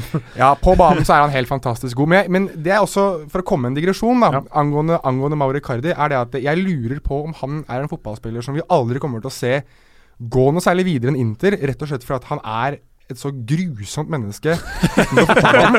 han er et helt jævlig menneske. Jeg beklager å si det, men han er helt han, altså, her snakker vi med mannen som selfier seg selv på sykestua eller på fødestua mens kona lå i føda i bakgrunnen. Altså Du ser hun sitter der og trykker på i bakgrunnen, mens han står og gliser inn i selfiebildet sitt, liksom. Han har tatovert navnene Altså, jeg vet ikke om jeg vet ikke om dere har hørt om WandaGate? jeg. Er det noen som kan uh, ja. til WandaGate her? Ja, Er det, kan, skal vi anta at lytterne kan Wandagate òg? nei, nei, forklar det. forklar det Ja, ok. Uh, Mauri Cardi og, og eh, hadde Maxi Lopez som, som sitt idol da han var liten. Det er masse bilder av de to da Maxi Lopez var i Barcelona og Icardi spilte på ungdomslaget. Så veldig, veldig åpen, en sånn åpen bromance mellom de to, og de var gode venner. Og så eh, fant Mauri Cardi ut at uh, Jeg husker ikke etternavnet hennes i farta, men Wanda eh, ko Mara. Ja, Wanda Ja, Nara, det der ja. det. Wanda Nara, kona eh, til, til Maxi Lopez, eh, vil han også eh, bli venn med. Ja. Og veldig god venn med. Og eh, det ble veldig åpenbart etter hvert at de to var ikke bare venner. Nei. Eh, og dette foregikk da litt rundt, uh, eller bak Maxi Lopez' rygg. Han fant ut av det. Uh, jeg tror det ble skilsmisse, eller at de gikk fra hverandre, eller hun dumpa Maxi Lopez, eller hvordan det fungerte. Og ble sammen med Mauro Icardi. Ja. Og, og man tenker kanskje at det, det er jævlig nok i seg selv, det. Og, og de, to, de, de to har jo Det har jo vært sånn at hver gang Inter møter det laget Maxi Lopez spiller for, nå bytter han klubb litt mer Ja. enn det Icardi gjør, så er det Wandagate, eller da er det liksom Derby de la Wanda, og det er liksom Stakkars Lopez. men han, tar, han nekter å ta Icardi i hånda. Det er, sånn, det er sånn De to tar ikke hverandre i hånda for kamper lenger. Eh, lurer på om de kanskje gjorde det en gang i fjor. Nei, i hvert fall, de, de gjorde ikke det i, i et par år. At de nektet å liksom anerkjenne hverandre. Men for å forklare hvorfor Icardi er så ille, så må vi på en måte se litt mer av det han gjør. Han har tatovert navnene på ungene til Wanda og Maxi Lopez på sin kropp. Altså, han har navnet Det er, så, det er så drøyt at det er helt vilt. men det stopper ikke der. Fordi han har også Og, og, og da, da var det sånn at jeg, jeg Da brakk jeg meg. Det er sjelden jeg virkelig brekker meg over sånne småting som det her, men jeg brakk meg da jeg så det her. Og det er en Instagram-video som Mauri Kaidi har tatt av en av ungene eh, til La Wanda Maxi Lopez, altså en av stebarna hans. Hvor han får denne ungen til å si i kamera at eh, Mauri Kaidi er den beste pappaen i hele verden. Nei! Jo. Og så ille blir det. Altså, han er et grusomt. Ja, menneske. fæl type. Han virker som en helt jævlig menneske. Uh, men på banen Ja. en av verdens absolutt beste spisser. Syns du det? Ja. Ja. Uten tvil. Han er uh, fantastisk, fantastisk god. Har et potensial som er skyhøyt. Men, det, det, men dette her uh, er jo også grunnen til hvorfor Icardi ikke har spilt noe særlig på det argentinske landslaget tidligere. Det er først nå han har kommet inn i bildet igjen. Eh, fordi Sampaoli tydeligvis uh, har troa på han, og kanskje han har roet seg litt ned uh, utenfor banen. Jeg vet ikke. Men, men Eller gi faen i moral. det kan jo også være at Bra ja, innspill, Berger. Kan jo godt være at han gjør det òg, Sampaoli, men, men strengt tatt uh, Mauri Kaidi er et jævlig menneske. Han er grusom. Elsker hvor lang tid dette tok. Ja, men det er nydelig. Er det ikke en brasilianer som Inter kjøpte i fjor sommer, som har fått ekstremt lite spilletid? Eh, hva har skjedd med han? Gabriel eh, Barbosa. Uh, Gabigol. Ja, Gabigol. Ja. Uten goal. Ja. Nei, altså Han har jo knapt spilt. Er det, han har vært på banen i to kamper. Er det 19-20 minutter eller noe sånt sammen? Det er helt vilt lite. Og uh, hvor endte han opp i? Var det Benfica? Ikke sant? Ja. Uh, og får håpe det går bedre der, men uh, veldig typisk Inter-overgang da Altså, det er lån, da. Låne- Ja, men da de kjøpte han. Ja, veldig typisk av Inter å bruke 30 millioner på en spiller som er helt ubrukelig og ikke har gjort noe research. Eh, veldig Inter over Men var ikke han bra i Brasil, da? Jo, han var veldig god i Brasil. Skårte mye mål. eh, og var jo Gabigol. Altså, han var jo, var jo god, men jeg tror det som skjedde med han, er litt det som man fryktet at skulle skje med veldig mange andre, andre brasilianere. Er det at han får veldig tror veldig høyt om seg sjøl. Ja. Kommer og tenker at jeg er kongen på haugen, og mm, dette går bra. Og eh, Han har jo en kuriosa. En, av, en, av, en som kjenner han veldig godt, eller kjenner mennesker rundt han, er jo en person som heter André Østgaard, som eh, er fra Norge, er fra Knapstad, og er vel i London nå for å se Brasil U17. Ah, ja. Og har fulgt liksom med Gabi Goal og disse gutta siden de var guttunger. Og han er slik han forteller det, så virker Jeg har fått inntrykk da, det ikke at han har sagt det, men jeg har fått inntrykk av at han Gabi Goal virker litt høy på seg sjøl. Ja. Men det morsomme her, da, synes jeg, eh, er jo det at Inter vil jo egentlig ikke ha Gabi Goal først. De vil jo ha Gabriel Jesus. Ah. Så da de ikke fikk eh, han, så skulle, var det jo en annen eh, Gabriel som de kunne gå etter, som da var Gabigol. Som også var ettertrakta av flere. Var jo flere klubber.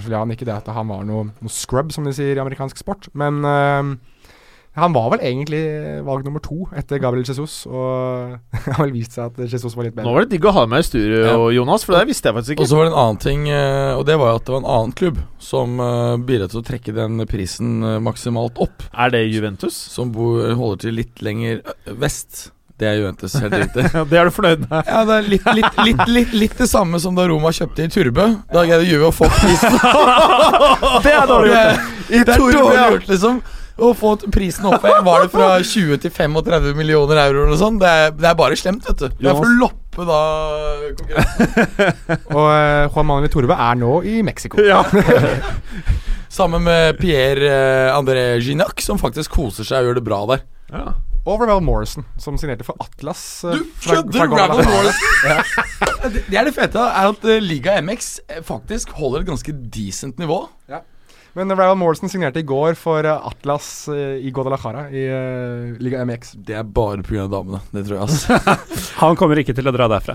Eh, uavhengig av kontrakt. Han kommer sikkert til å bli involvert i noen karteller, og så luk lukter det enten død eller lang fengselsstraff eller et eller annet. Eh, over til deg, Gallosen. Vi må jo prate om det som kanskje er den ligaen som har satt mest fyrverkeri opp i lufta av samtlige ligaer dette overgangsvinduet. League Ø. Det er jo i hovedsak to klubber vi snakker om. Eh, selvfølgelig salget fra Lyon av Lacassette til Arsenal eh, kommer vi også til å snakke mye om denne sesongen, men eh, kan jo begynne med Monaco, da. Seriemesteren som eh, man frykta skulle bli ribba. Som på sett og vis har blitt ribba. Men som eh, Jeg skal ikke si det ser styrka ut, men eh, det de dreiv med mot Marseille i forrige runde, det var helt Oh. vanvittig. At det, dette er et Marseille som jeg har hevda kan utfordre Monaco i sjiktet rett bak PSG. Eh, for de så jo veldig styrka ut på papiret, i hvert fall. Tapte 6-1 mot et Monaco som da hadde Mbappé på benken, for han var i ferd med å bli solgt. Uh, kødder ikke med merchandisen. Litt sånn når quarterbacken spiller i rød eh, singlet på trening i amerikansk fotball. Han rører du ikke. Eh, erstatteren heter Adama Diakaby. Eh, kom fra Renn, vel, i sommer. Og han eh, har hadde fire skåringer i league Ø før eh, denne matchen. Han eh, kommer igjennom alene med keeper etter ni minutter. Da står det allerede 1-0, setter den i stanga. Har en assist på et av de andre målene og får sin scoring eh, like før pause. Eh, litt ut av det blå, egentlig. Så, det så Han herja helt vilt. Det så ikke ut som om eh, Det kunne like gjerne vært Mbappé, bare med et annet navn på drakta. Så har du Ronny Lopez, som uh, herja enda verre på høyrekanten. Bernardo Hu, Ja, kan du, kan du si. Uh, det, det var helt magisk hvordan eh, ting foregikk, og så har de da siden den gang henta Balde Keita Diao, Balde Keita Keita Dal Balde, Hva syns som du om han det, heter. Mats? Diao, Og Jovetic! Diao Keita Balde. Men det er noe med det at du, du Den type Altså Hvilken vei du setter uh, fornavnet og etternavnet, det er jo veldig forskjellig i forskjellige kulturer. I, altså, Mm. mener Xi Jinping ville vi sagt Jinping Xi, altså den kinesiske pre presidenten. John Obi Miquel fant jo ut i forrige fjor vel at han eh, ikke skulle hete det lenger. Ikke sant? Eh, I uh, spansktalende land så har du jo fornavn, så har du etternavn, og så har du mellomnavn på slutten. Ikke sant? Slik at uh, det blir liksom sånn Potero, potero Kanskje litt stil. mer interessant å høre om det fotballrelaterte her. For at eh, du var jo veldig keen på å se han i ditt kjære Jove. Ekstremt. Og en av grunnene til det er at uh, han er jo fantastisk god både på venstre- og høyresiden. Det interessante er at han har spilt også et par kamper som midtspiss. Ja, det er vel halvannet mål i snitt på de to kampene, og et par assists. Så jeg tror han kunne spilt over hele rekka. Og han er uh, ja, altså Jeg digger han. Ja, du har calla ut det her for lenge siden. Ja. Vet du hva han gikk for til slutt? Eh, Keita? Mm. 30 millioner euro cirka? Og i dagens overgangsmarked så kan det nesten virke som en uh, steal, kanskje? Ja, det var akkurat det jeg sa til Jonas. Det er Skulle jeg hviske, hviske inn i øret at det kan være sommerens steal. Det der, jeg er helt enig. Er helt enig. Ja, men så har vi jo, eh, så har vi jo hypa PSG veldig de siste par Har de, ukene. har, har, gjort, har de gjort noe sånt med PSG? Har de gjort, kjøpt noen spillere? par småting. Det er ingenting som har stjålet noen overskrifter. jeg- uh, Henta en brasilianer ganske ung. Uh, Få se hva han blir. Eh, Neymar, tror jeg han heter. Junior. Ja. Er ikke, er ikke Jeg er junior, Neymar ja, det er ikke senior. Jeg er junior. De har jo egentlig henta både junior og senior, si. Ja. Nei, og så er det jo denne Kylian Du får definitivt senior på laget. Det er han som kosta mest, skal jeg si deg! men uh, Men angrepsrekka til PSG er ja, men jo vi, eh, Er du ferdig med Monaco nå, er det det du mener? eh, Ja. For uh, Nei, for vi, jeg tenker at vi kanskje ikke er det. Uh, av den grunn at jeg tenkte jeg skulle høre med dere nå. Er på mange måter Monaco kanskje det laget som har manøvrert dette overgangsvinduet best av alle eh, storklubber i dette vinduet, på tross at det har vært utflukt av eh, stjernespillere og talenter? Dette var pussig at du skulle nevne, for du la jo til et eh, punkt på agendaen i dag. Eh, Ikke ta det nå! Nei, men eh, jo. eh, fordi Ok. en av mine kandidater til det er nemlig klubben Monaco. Ja. Og det er ganske utrolig med tanke på hvordan det så ut for bare noen Jeg, uker ikke, siden. jeg visste Idet jeg stilte spørsmål, så visste jeg at jeg ledet inn i det som jeg gleder meg mest til i denne sendingen. Ja, men du, har, du har et lag som har blitt ribba for nesten alle som eh, utgjorde forskjellen i fjor. Eh, men akkurat nå ser de tilnærma like sterke ut likevel. Eh, de har også mer rutine i laget nå. Og de men- får kanskje noen andre klubber til å se litt dumme ut Ja, når du ser på priser. Og selv om det er mer rutine, så er det fortsatt minst like mye sult, eh, vil jeg tro. Og de har altså gått eh, 75 millioner euro ca. i overskudd før man regner inn pengene for Mbappé, for det er ikke offentliggjort ennå. Nei, fordi de, de pengene kommer jo uh, først neste sommer. ikke sant? Den Mm. dealen er jo strukturert slik at uh, det er et lån med obligatorisk kjøp på slutten, nettopp for da å unngå effekten de ville hatt å kjøpe han nå på uh, Fifa Finan nei, Financial Fair Play. Jeg tror faktisk ikke teknisk sett at det er det. Fordi det var vel Tor Christian Karlsen på lufta i går som sa at dersom man setter inn en sånn klausul, så vil den settes på årets budsjett.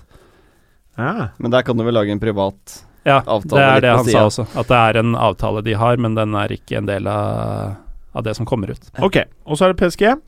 Ja, PSG. Vi uh, har snakka dem veldig opp, uh, og det må man jo i og med at de har gjort de to kanskje største overgangene i Europa i løpet av sommeren. Uh, men uh, etter å ha sett litt nøyere på ting, så er jeg ikke sikker på om jeg er så, uh, så overbevist om deres Champions League-kandidatur. For det er eh, Vi har eh, brukt et argument mot Chelsea denne sesongen, at de har altfor tynn trapp til å konkurrere på den og den og den fronten. Nå ser Monaco ut til å være the real deal denne sesongen også. Eh, full potte til fire kamper, akkurat som PSG. Og så er det det at jo da, angrepsrekka til PSG er jo helt vanvittig nå. Uh, Og så kan vi bare ta angrepsrekka der. For jeg, jeg tror kanskje hvis man bare er litt sånn casual innom uh, Ligue Øst, tror jeg ikke man helt skjønner hva, slags angrepsvåpen det er snakk om her. Har du den foran deg? fra venstre mot høyre Ja. så har du da Neymar junior, som ja. fortsatt venter på gjennombruddet. Vi får se hva slags spiller dette er. Ja. Edison Cavani. Eh, bommer mye, men eh, kommer til så mange sjanser at det er 30-40 mål bare i ligaen. Mm. Eh, på høyre Angel Di Maria. Så har du da i bakhånd Og det er det eh, her som er litt spennende. At dette er på samme lag, Ja. det du skal si nå. I bakgrunnen bakhånd har du da Lucas Mora, Gonzalo Guedes, Kylian Mbappé, uh, Javier Pastore. The list goes on. Det er sykt. Dette Det er er faktisk sykt. Atem Ben Arfa. Hatem Ben Arfa. er derfor jeg- Han fins nesten ikke liksom på det kartet her. Og han eh, satte ligaen eh, Han satte fyr på ligaen for to sesonger siden. Men nå skal det tales med at for eksempel sånn som uh, Pastore har blitt trukket mye dypere i banen nå et par kamper. Mm. Så dette er ikke bare folk da i angrepsrekka. Nei, og det er eh, litt av poenget, fordi det ser egentlig ganske tynt ut i de andre leddene, bortsett fra på sidebekk. Der har de to gode alternativer på begge sider. Men uh, på stopperplass, de spiller uh, med fire bak, uh, altså to stoppere til enhver tid. De har egentlig bare tre provende eh, stoppere tilgjengelig. Det er Kim Pembe etter Tiago Silva og Marquinhos. Eh, får de en lengre skade et sted og noen suspensjoner f.eks., så er det trøbbel med en gang. På sentral midtbane så har du Tiago Motta sammen med Rabiot og Verratti. Nevnte du Draxler? Det gjorde jeg faktisk ikke. Eh, eh, uh, fordi Neste spørsmål ditt, Jonas. Hvordan i all verden skal Unai Emery klare det Real Madrid aldri klarte? Å holde så mange stjerner ikke fornøyde, men i hvert fall ikke forbanna. Ja, det var jo ingen som klarte ordentlig i Real Madrid. Eller Zidane klarer det litt nå i Real Madrid. Ja, men nå, nå, nå er det vel en sånn kommun, eh, nydelig kombinasjon Ja. av etablerte stjerner og mye ungfoler. du, du tenker liksom på den gangen det var Figo, Beckham, Ronaldo, Zidane, Ja. Roberto Carlos, Owen Til slutt så John ble det Woodgate. grining. Ja. Oh. Ja, det var, det var mye Det var mye hyling og grining. Men jeg, jeg Når jeg hører på oss gå gjennom laget til PSG her, så, så tenker jeg med en gang på han karen på treningssenteret som kun ligger i benk, og det er det eneste han gjør, og glemmer å løfte, løfte beina og Liker ikke å gjøre noe annet enn å løfte benk. Da har utrolig svær, svær brystmuskel og ser bare helt rar ut ellers.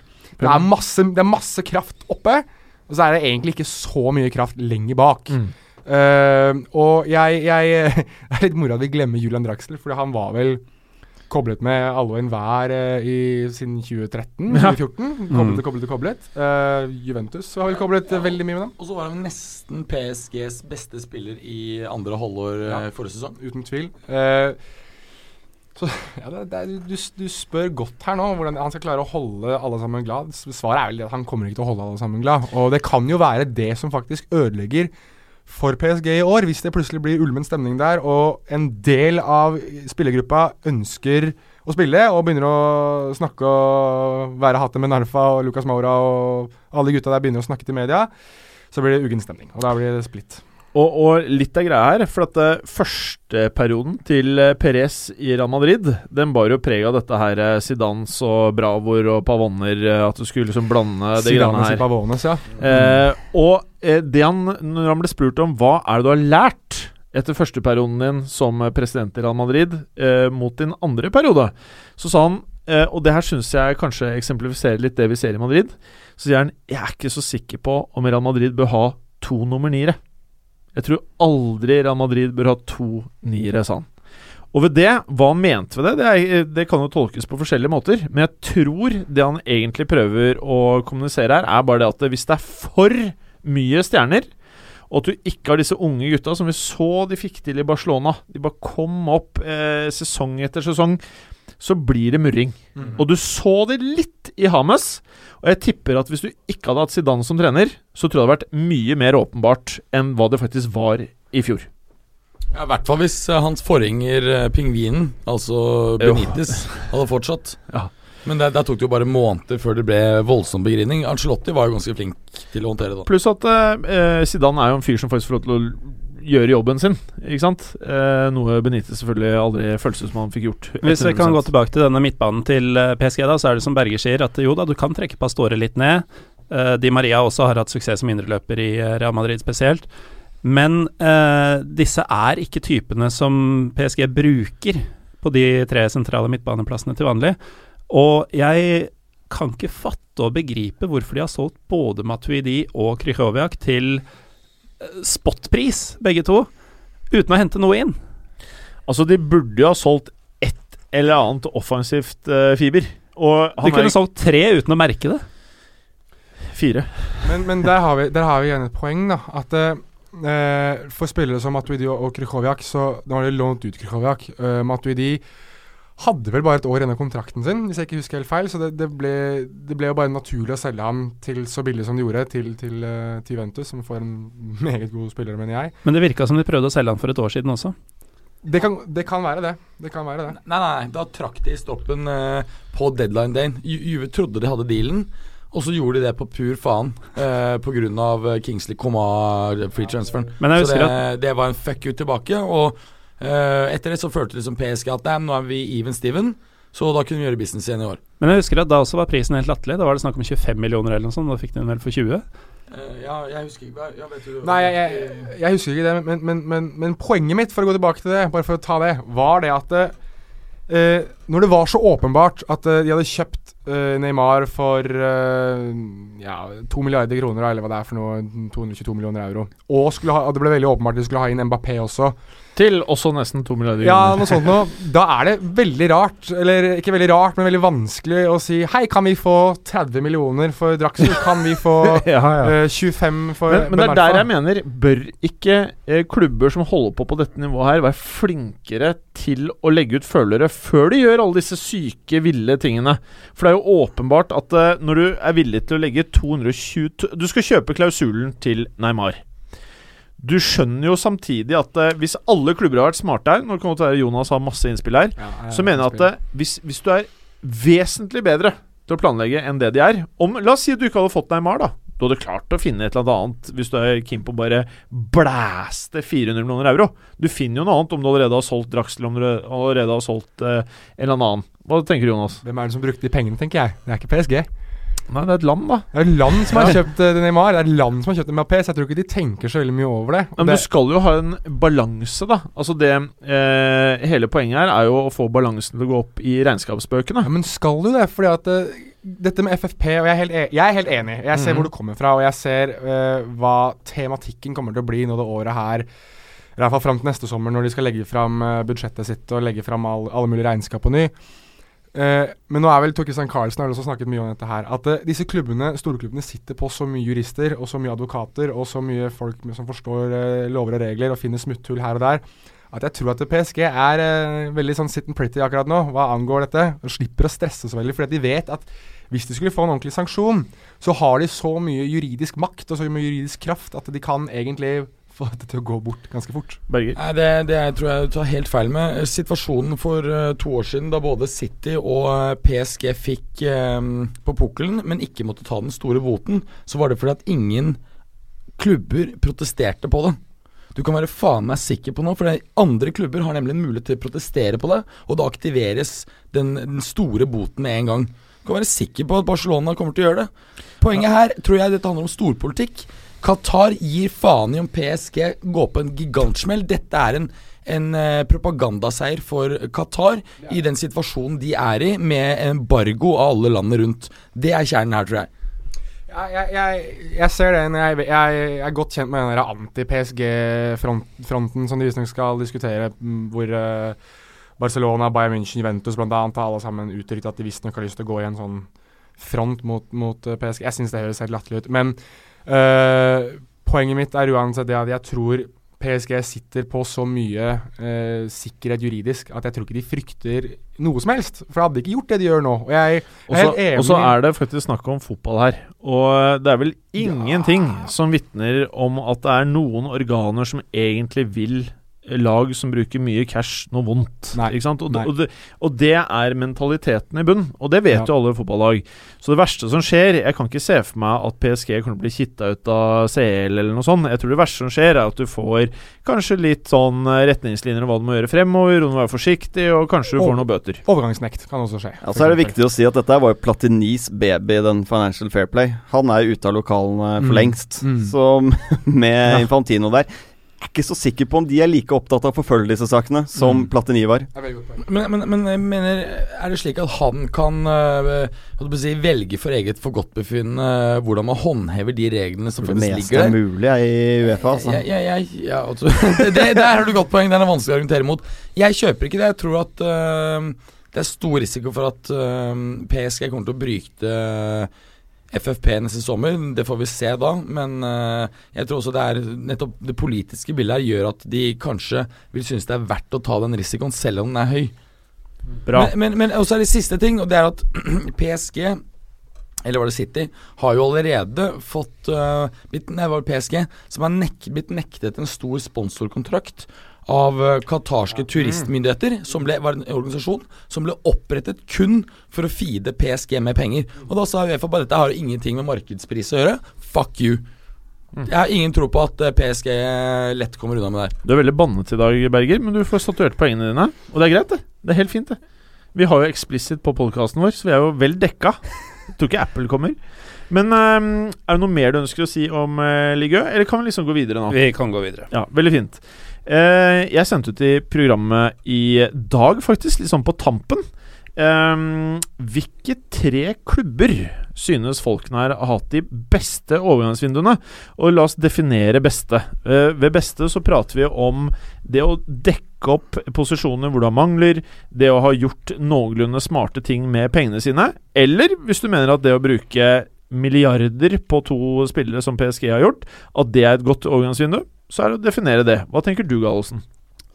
Jeg tenker litt uh, både det ene og det andre. Det kommer helt an på klubbenes utgangspunkt. Uh, så jeg har jo på samme liste som jeg har AC Milan, som vi har dekka her, så har jeg også West Bromwich. Så det er to, uh, to forskjellige verdener, kan du si, men to klubber som fra sine forutsetninger har gjort det meste riktig, føler jeg, og som kommer styrka ut.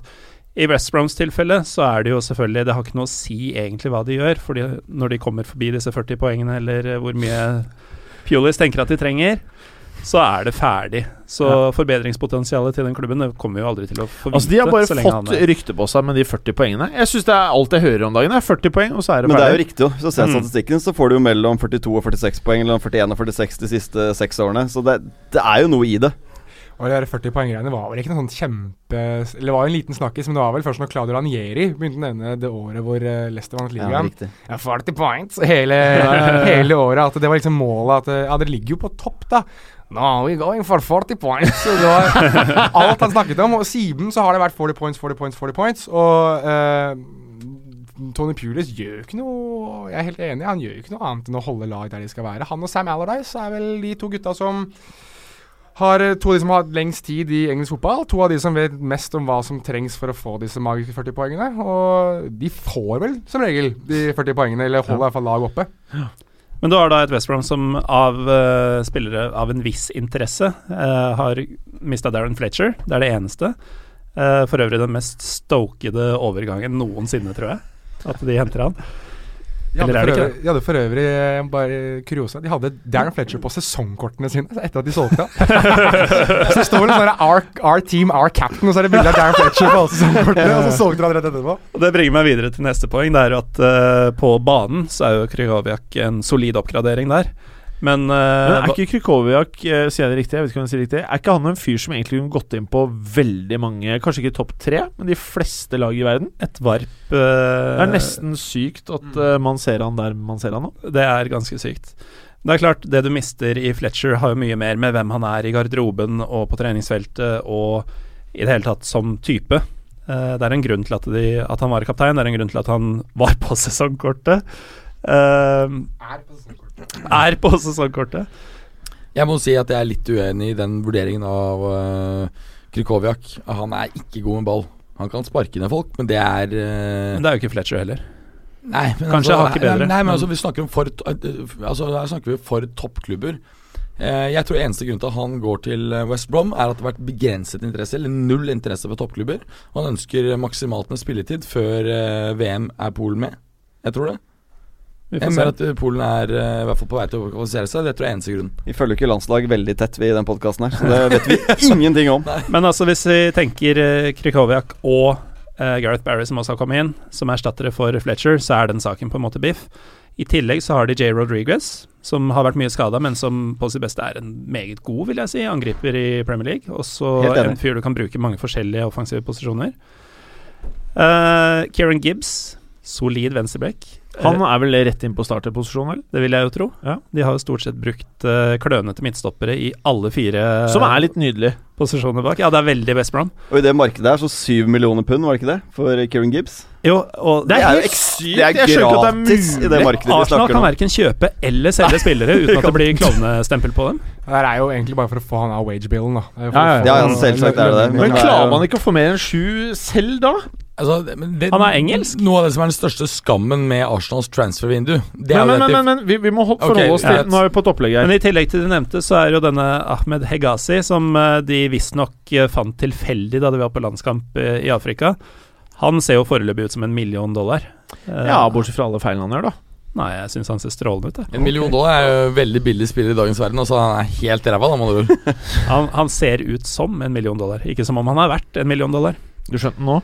Uh, og i tillegg, på toppen av det hele, Oliver Burke, som for et år siden gikk til Leipzig, var ansett som et meget stort talent på, etter britiske standarder. Ikke fått veldig mye spilletid der. Kommer nå permanent til West Brom, og som spillertype, det lille jeg har sett han, veldig sånn der opp og ned flanka til eh, Tony. Du har starta det veldig hipstrete og deilig. Jeg hadde ikke forventa noe mindre. Mm. Det var egentlig litt deg jeg tenkte på med mange av disse spørsmålene også, men det er nydelig. Det er nydelig. Eh, ja. Skal egentlig, egentlig bare si at jeg tror eh, Jeg gjerne, skulle gjerne vært her og delt med, men jeg har Du skal ut og jobbe, du, for du skal ha sånn Ja. livepodkast etter hvert. det, så jeg håper Ja. at folk hører på den nå etterpå. Så Ja. jeg, nå er sånn shameful marketing for meg selv her. Ja. Men uh, håper alle sammen hører på det. Hvis Hvordan ikke- hører man på den? Vet du det?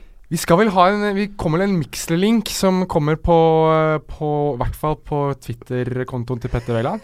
Som I hvert eh, fall. I hvert fall, om ikke min Twitter-konto òg. Så jeg bare følger med Alle følger egentlig Petter Wæland, hvis ikke du gjør Og det. dette her hører jo alle i morgen. Ja, men, da, men da tenker jeg at det skal opplastes også på en egen ja. kanal, som vi da må opprette. Altså, vi bare smeller den ut rett etter vi er ferdig. vi. Ja. Men kan jeg få si en ting før, før jeg går angående overgangsvindu? Uh, at vi går, vi går inn Vi går jo litt inn i en ny æra nå. og uh, en litt sånn æra som jeg har både fryktet og, og gledet meg litt til. Eh, og det er den eraen der uh, Andre Jarmolenko ikke lenger kobles til alle storklubber i Europa. Mm. Takk for meg. Takk skal du ha, Veldig Jonas. Veldig hyggelig. Eh, hvilke tre klubber var det nå til slutt, uh, Gallosen? Nei, eh, West Brom har trekket fram fra England, uh, eller som Englands representant, i konkurranse med Everton, Leicester og faktisk til slutt Tottenham. Uh, spennende. Etter, etter deadline day så kom Tottenham med som kandidat der, etter å ikke vært i nærheten hele sommeren. Eh, Milan har vi jo nevnt behørig, og tredje på min liste har vi også vært godt innom. Det er PSG, bare fordi det er så sinnssykt hva de holder på med. Mm, samme her, jeg som tenker det. Eh, Eh, men jeg syns jo United må også nevnes eh, som uh, blant Du vet at alle skal ha sine tre, ikke sant? Å ja, så jeg kommer etterpå. Ja, det, oh, ja. det er naturlig å tenke, da. Ja. Men uh, i og med at du er i gang, da, så kan vi jo ta dine tre. Eh, Milan, United og PSG. Ok. Mm. Eh, er det noe du skal si rundt det? Eh, ja, at hvis eh, United hadde fått Perisic, så hadde jeg satt de øverst. Ja. Så, men jeg syns det ser jævlig bra ut. Og den beste, den mest viktige overgangen, crucial overgangen, etter Bonucci i hele Europa, det er Matic til United. Og når Chelsea altså har brukt 35 millioner pund på Danny Drinkwater på deadline day, så fremstår det som altså så insane forpult sykt å selge Matic, som er den som gjør nettopp at United vinner ligaen, til United. Det fremstår som, altså, som så Altså Hun der Grandkowskaja og han der Embola eller hva han heter, de burde jo fås langt bort fra Stamford Bridge. De, de har tjent fem millioner pund, som er ingenting i dagens marked, og i hvert fall ingenting når du har Abramovic-penger, på erstatte- Tekniker Felix inne i studio. I dag har vi party her, ass. Men jeg er helt enig i resonnementet ditt, uh, Mats. Fordi jeg har også sagt Manchester United som en av overgangsvinnerne. For det første fikk de gjort businessen tidlig. De har tatt problemposisjonen Matic. Det hullet der har de tettet. Også fått inn Lukaku, som er Han har spilt i Premier League og skåret mål i Premier League i mange år. Altså Det er null sjansespill på begge de to signeringene her. Mm. Så I tillegg har de da selvfølgelig loppa Chelsea for en mann de kunne trengt. Mm. Det er akkurat det som tilter eh, Altså Hadde Chelsea ellers hatt en god transfer-sesong, så ville jeg sagt at hadde de da droppet å selge Matic, så hadde de fortsatt vunnet ligaen i år. Men eh, vi har dem jo langt ned pga. de to faktorene. Preben? Nei, jeg vet hva, jeg har akkurat de tre som eh, samme som Mats. Jeg har satt Milan, Manchester United og PSG. Uh, og jeg tenker litt i forhold til PSG, så snakker vi nå om at det er, det er så sykt mye penger med 2,2 milliarder, eller hva det var for noe, for uh, Neymar. Men plutselig sitter vi her, da, om et år eller to, så sitter vi og tenker at faen, det var egentlig ganske billig med Neymar for to milliarder. Altså, Og det gruer jeg meg til. ja, men det skal ikke se bort fra det. Nå er det jo Altså, du har Coutinho-klassen er jo plutselig blitt halvannen milliard. Dembélé-klassen er blitt halvannen milliard. Vi går sannsynligvis inn i en tid hvor, når vi tenker tilbake, er to milliarder for Neymar, som kommer til å dominere eh, verdensfotballen de neste årene. Det var kanskje et uh, greit kjøp, det. Ja, altså jeg så tror at vi kan se en ytterligere verdiappressering av spillere, men jeg, jeg tror at vi, vi ser at det er ikke bærekraftige priser, den type øh, kjøp. Og derfor så tror jeg at det er en mann uh, i Madrid uh, som heter Florentino, og som regner med å enten kjøpe Mbappé eller Neymar på ganske billig salg om et par års tid. Det tror jeg kommer til å skje. Jeg tror faktisk du er litt innpå noe der, mm. Mats. At uh, Qatar kommer til å slippe dette her på et eller annet tidspunkt. Og så forandres mye av uh, markedet, tipper jeg. Men jeg tror allikevel eh, hvis disse her Premier League-pengene fortsetter å pumpes inn, så vil nok da selvfølgelig Premier League måtte kjøpe spillere på eh, høye nivåer. Men ikke de prisene vi prater om nå. Dette her er jo det at de henter inn Neymar på disse nivåene her, gjør jo at Barcelona må hente inn spillere på tilnærmet samme nivå sjøl. Det er jo det som liksom Det er blir tullete. Det at fordi administrasjonen der virker fullstendig lammet når det gjelder å, å planlegge og gjøre gode, gode kjøp. Men øhm, Nei, altså jeg, sagt, jeg tror det kan fortsette noe til, men hvis du ser på når veksten i fotball er 10 årlig, mens du har global BNP-vekst på 2% så sier det seg selv at årsaken er at du nå har en globaliseringseffekt som ikke vil vare evig. Når du har fått spredd dette ut til alle markeder, så stopper veksten opp, og da vil du vokse som en funksjon av økonomien for øvrig. Uh, vi er fortsatt noe fra det, men det er ikke så langt unna. Bra. Uh, jeg tenkte jeg bare skulle høre nå Vinnere i dette overgangsvinduet. Det kan være spillere, klubber, trenere, uh, byer, land. Eh, hvem er vinner for deg i dette vinduet, Morten Gallosen? Uh, nei, jeg nevnte jo Monaco tidligere pga. hvordan de ser ut med jævlig mye ekstra penger. Uh, man må jo nevne Danny Drinkwater, fordi tenk at han er mannen som de regjerende seriemesterne blåser penger og setter sin tillit til skal redde sesongen.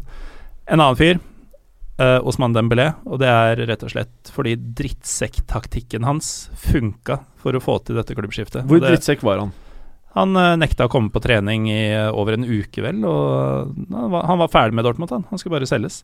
Og for en som meg, da, som drømmer om at klubbene skal ta tilbake makta fra disse drittungene som de lønner altfor høyt, så var det rett og slett plagsomt at det, det gikk i boks. Men det er jo den eneste eksempelet du har i sommer av den eh, typen. Tvert imot så har dette vært en sommer som viser at eh, klubben har tatt tilbake makten. Vi har Coutinho, Mm. vi har en rekke andre eksempler. Det er vel bare den og Daniel Alves hvor, eh, hvor vi ser at en, en, en spiller presser seg ut. Da. Og akkurat her spiller jo mine personlige preferanser inn, for jeg kunne jo like gjerne brukt eh, Liverpool som en solskinnshistorie, som tilsynelatende Nå er det jo fortsatt litt åpning i Spania, men får beholde Coutinho, eh, selv om han ikke vil.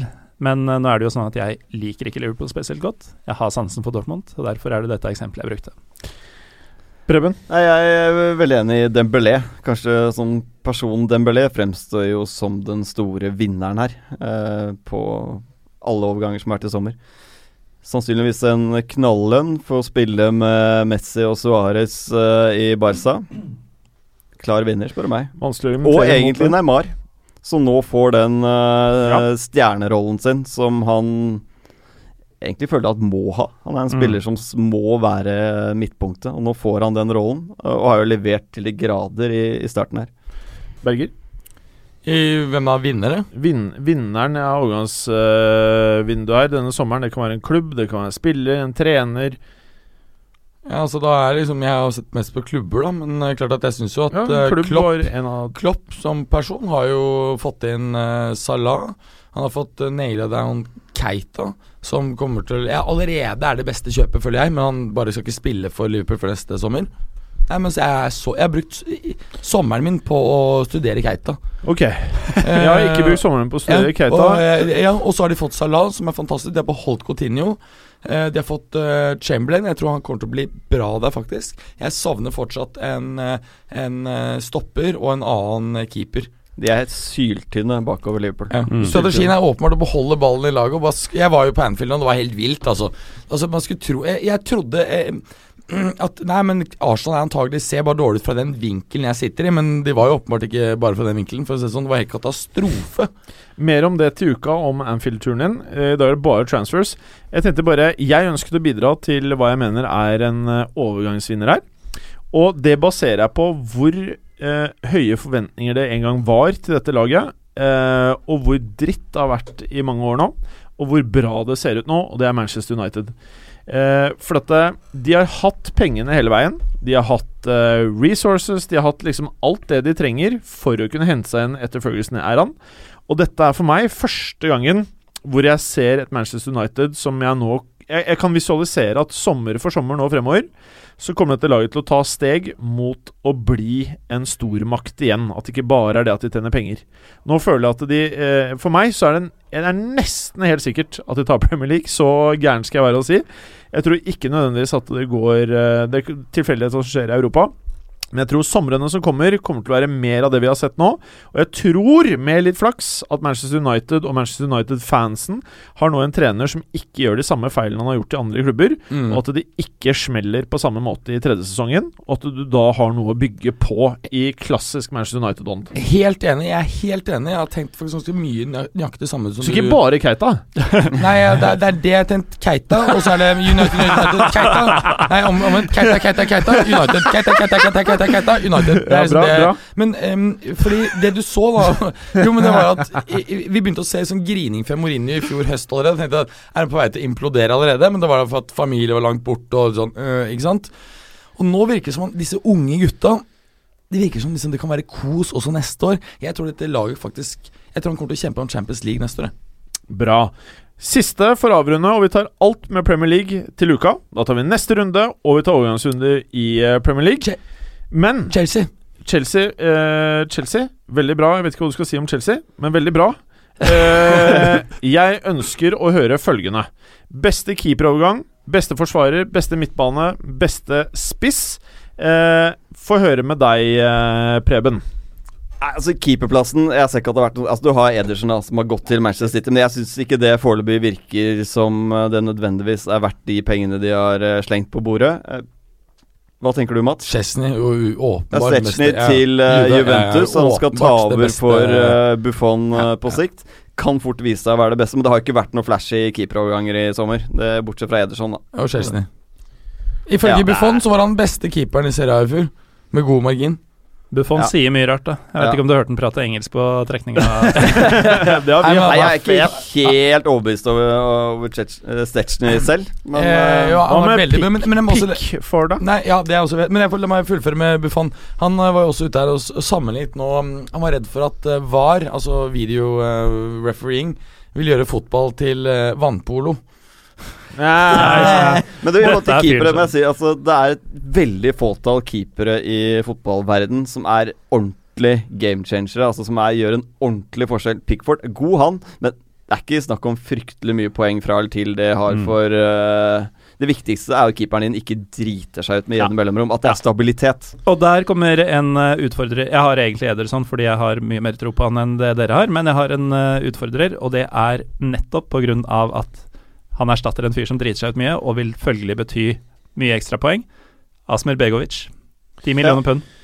Bra. Enig. Da følger vi dekka der. Forsvarsposisjon, eh, Berger? Det er jo åpenbart Bonucci som er den beste overgangen, men man må også nevne det er Dani Alves og uh, Hva tenker du? Alle, alle overganger som har vært eh, interessante, ja. er inkludert jeg er i Juve. Det er to ut og én inn.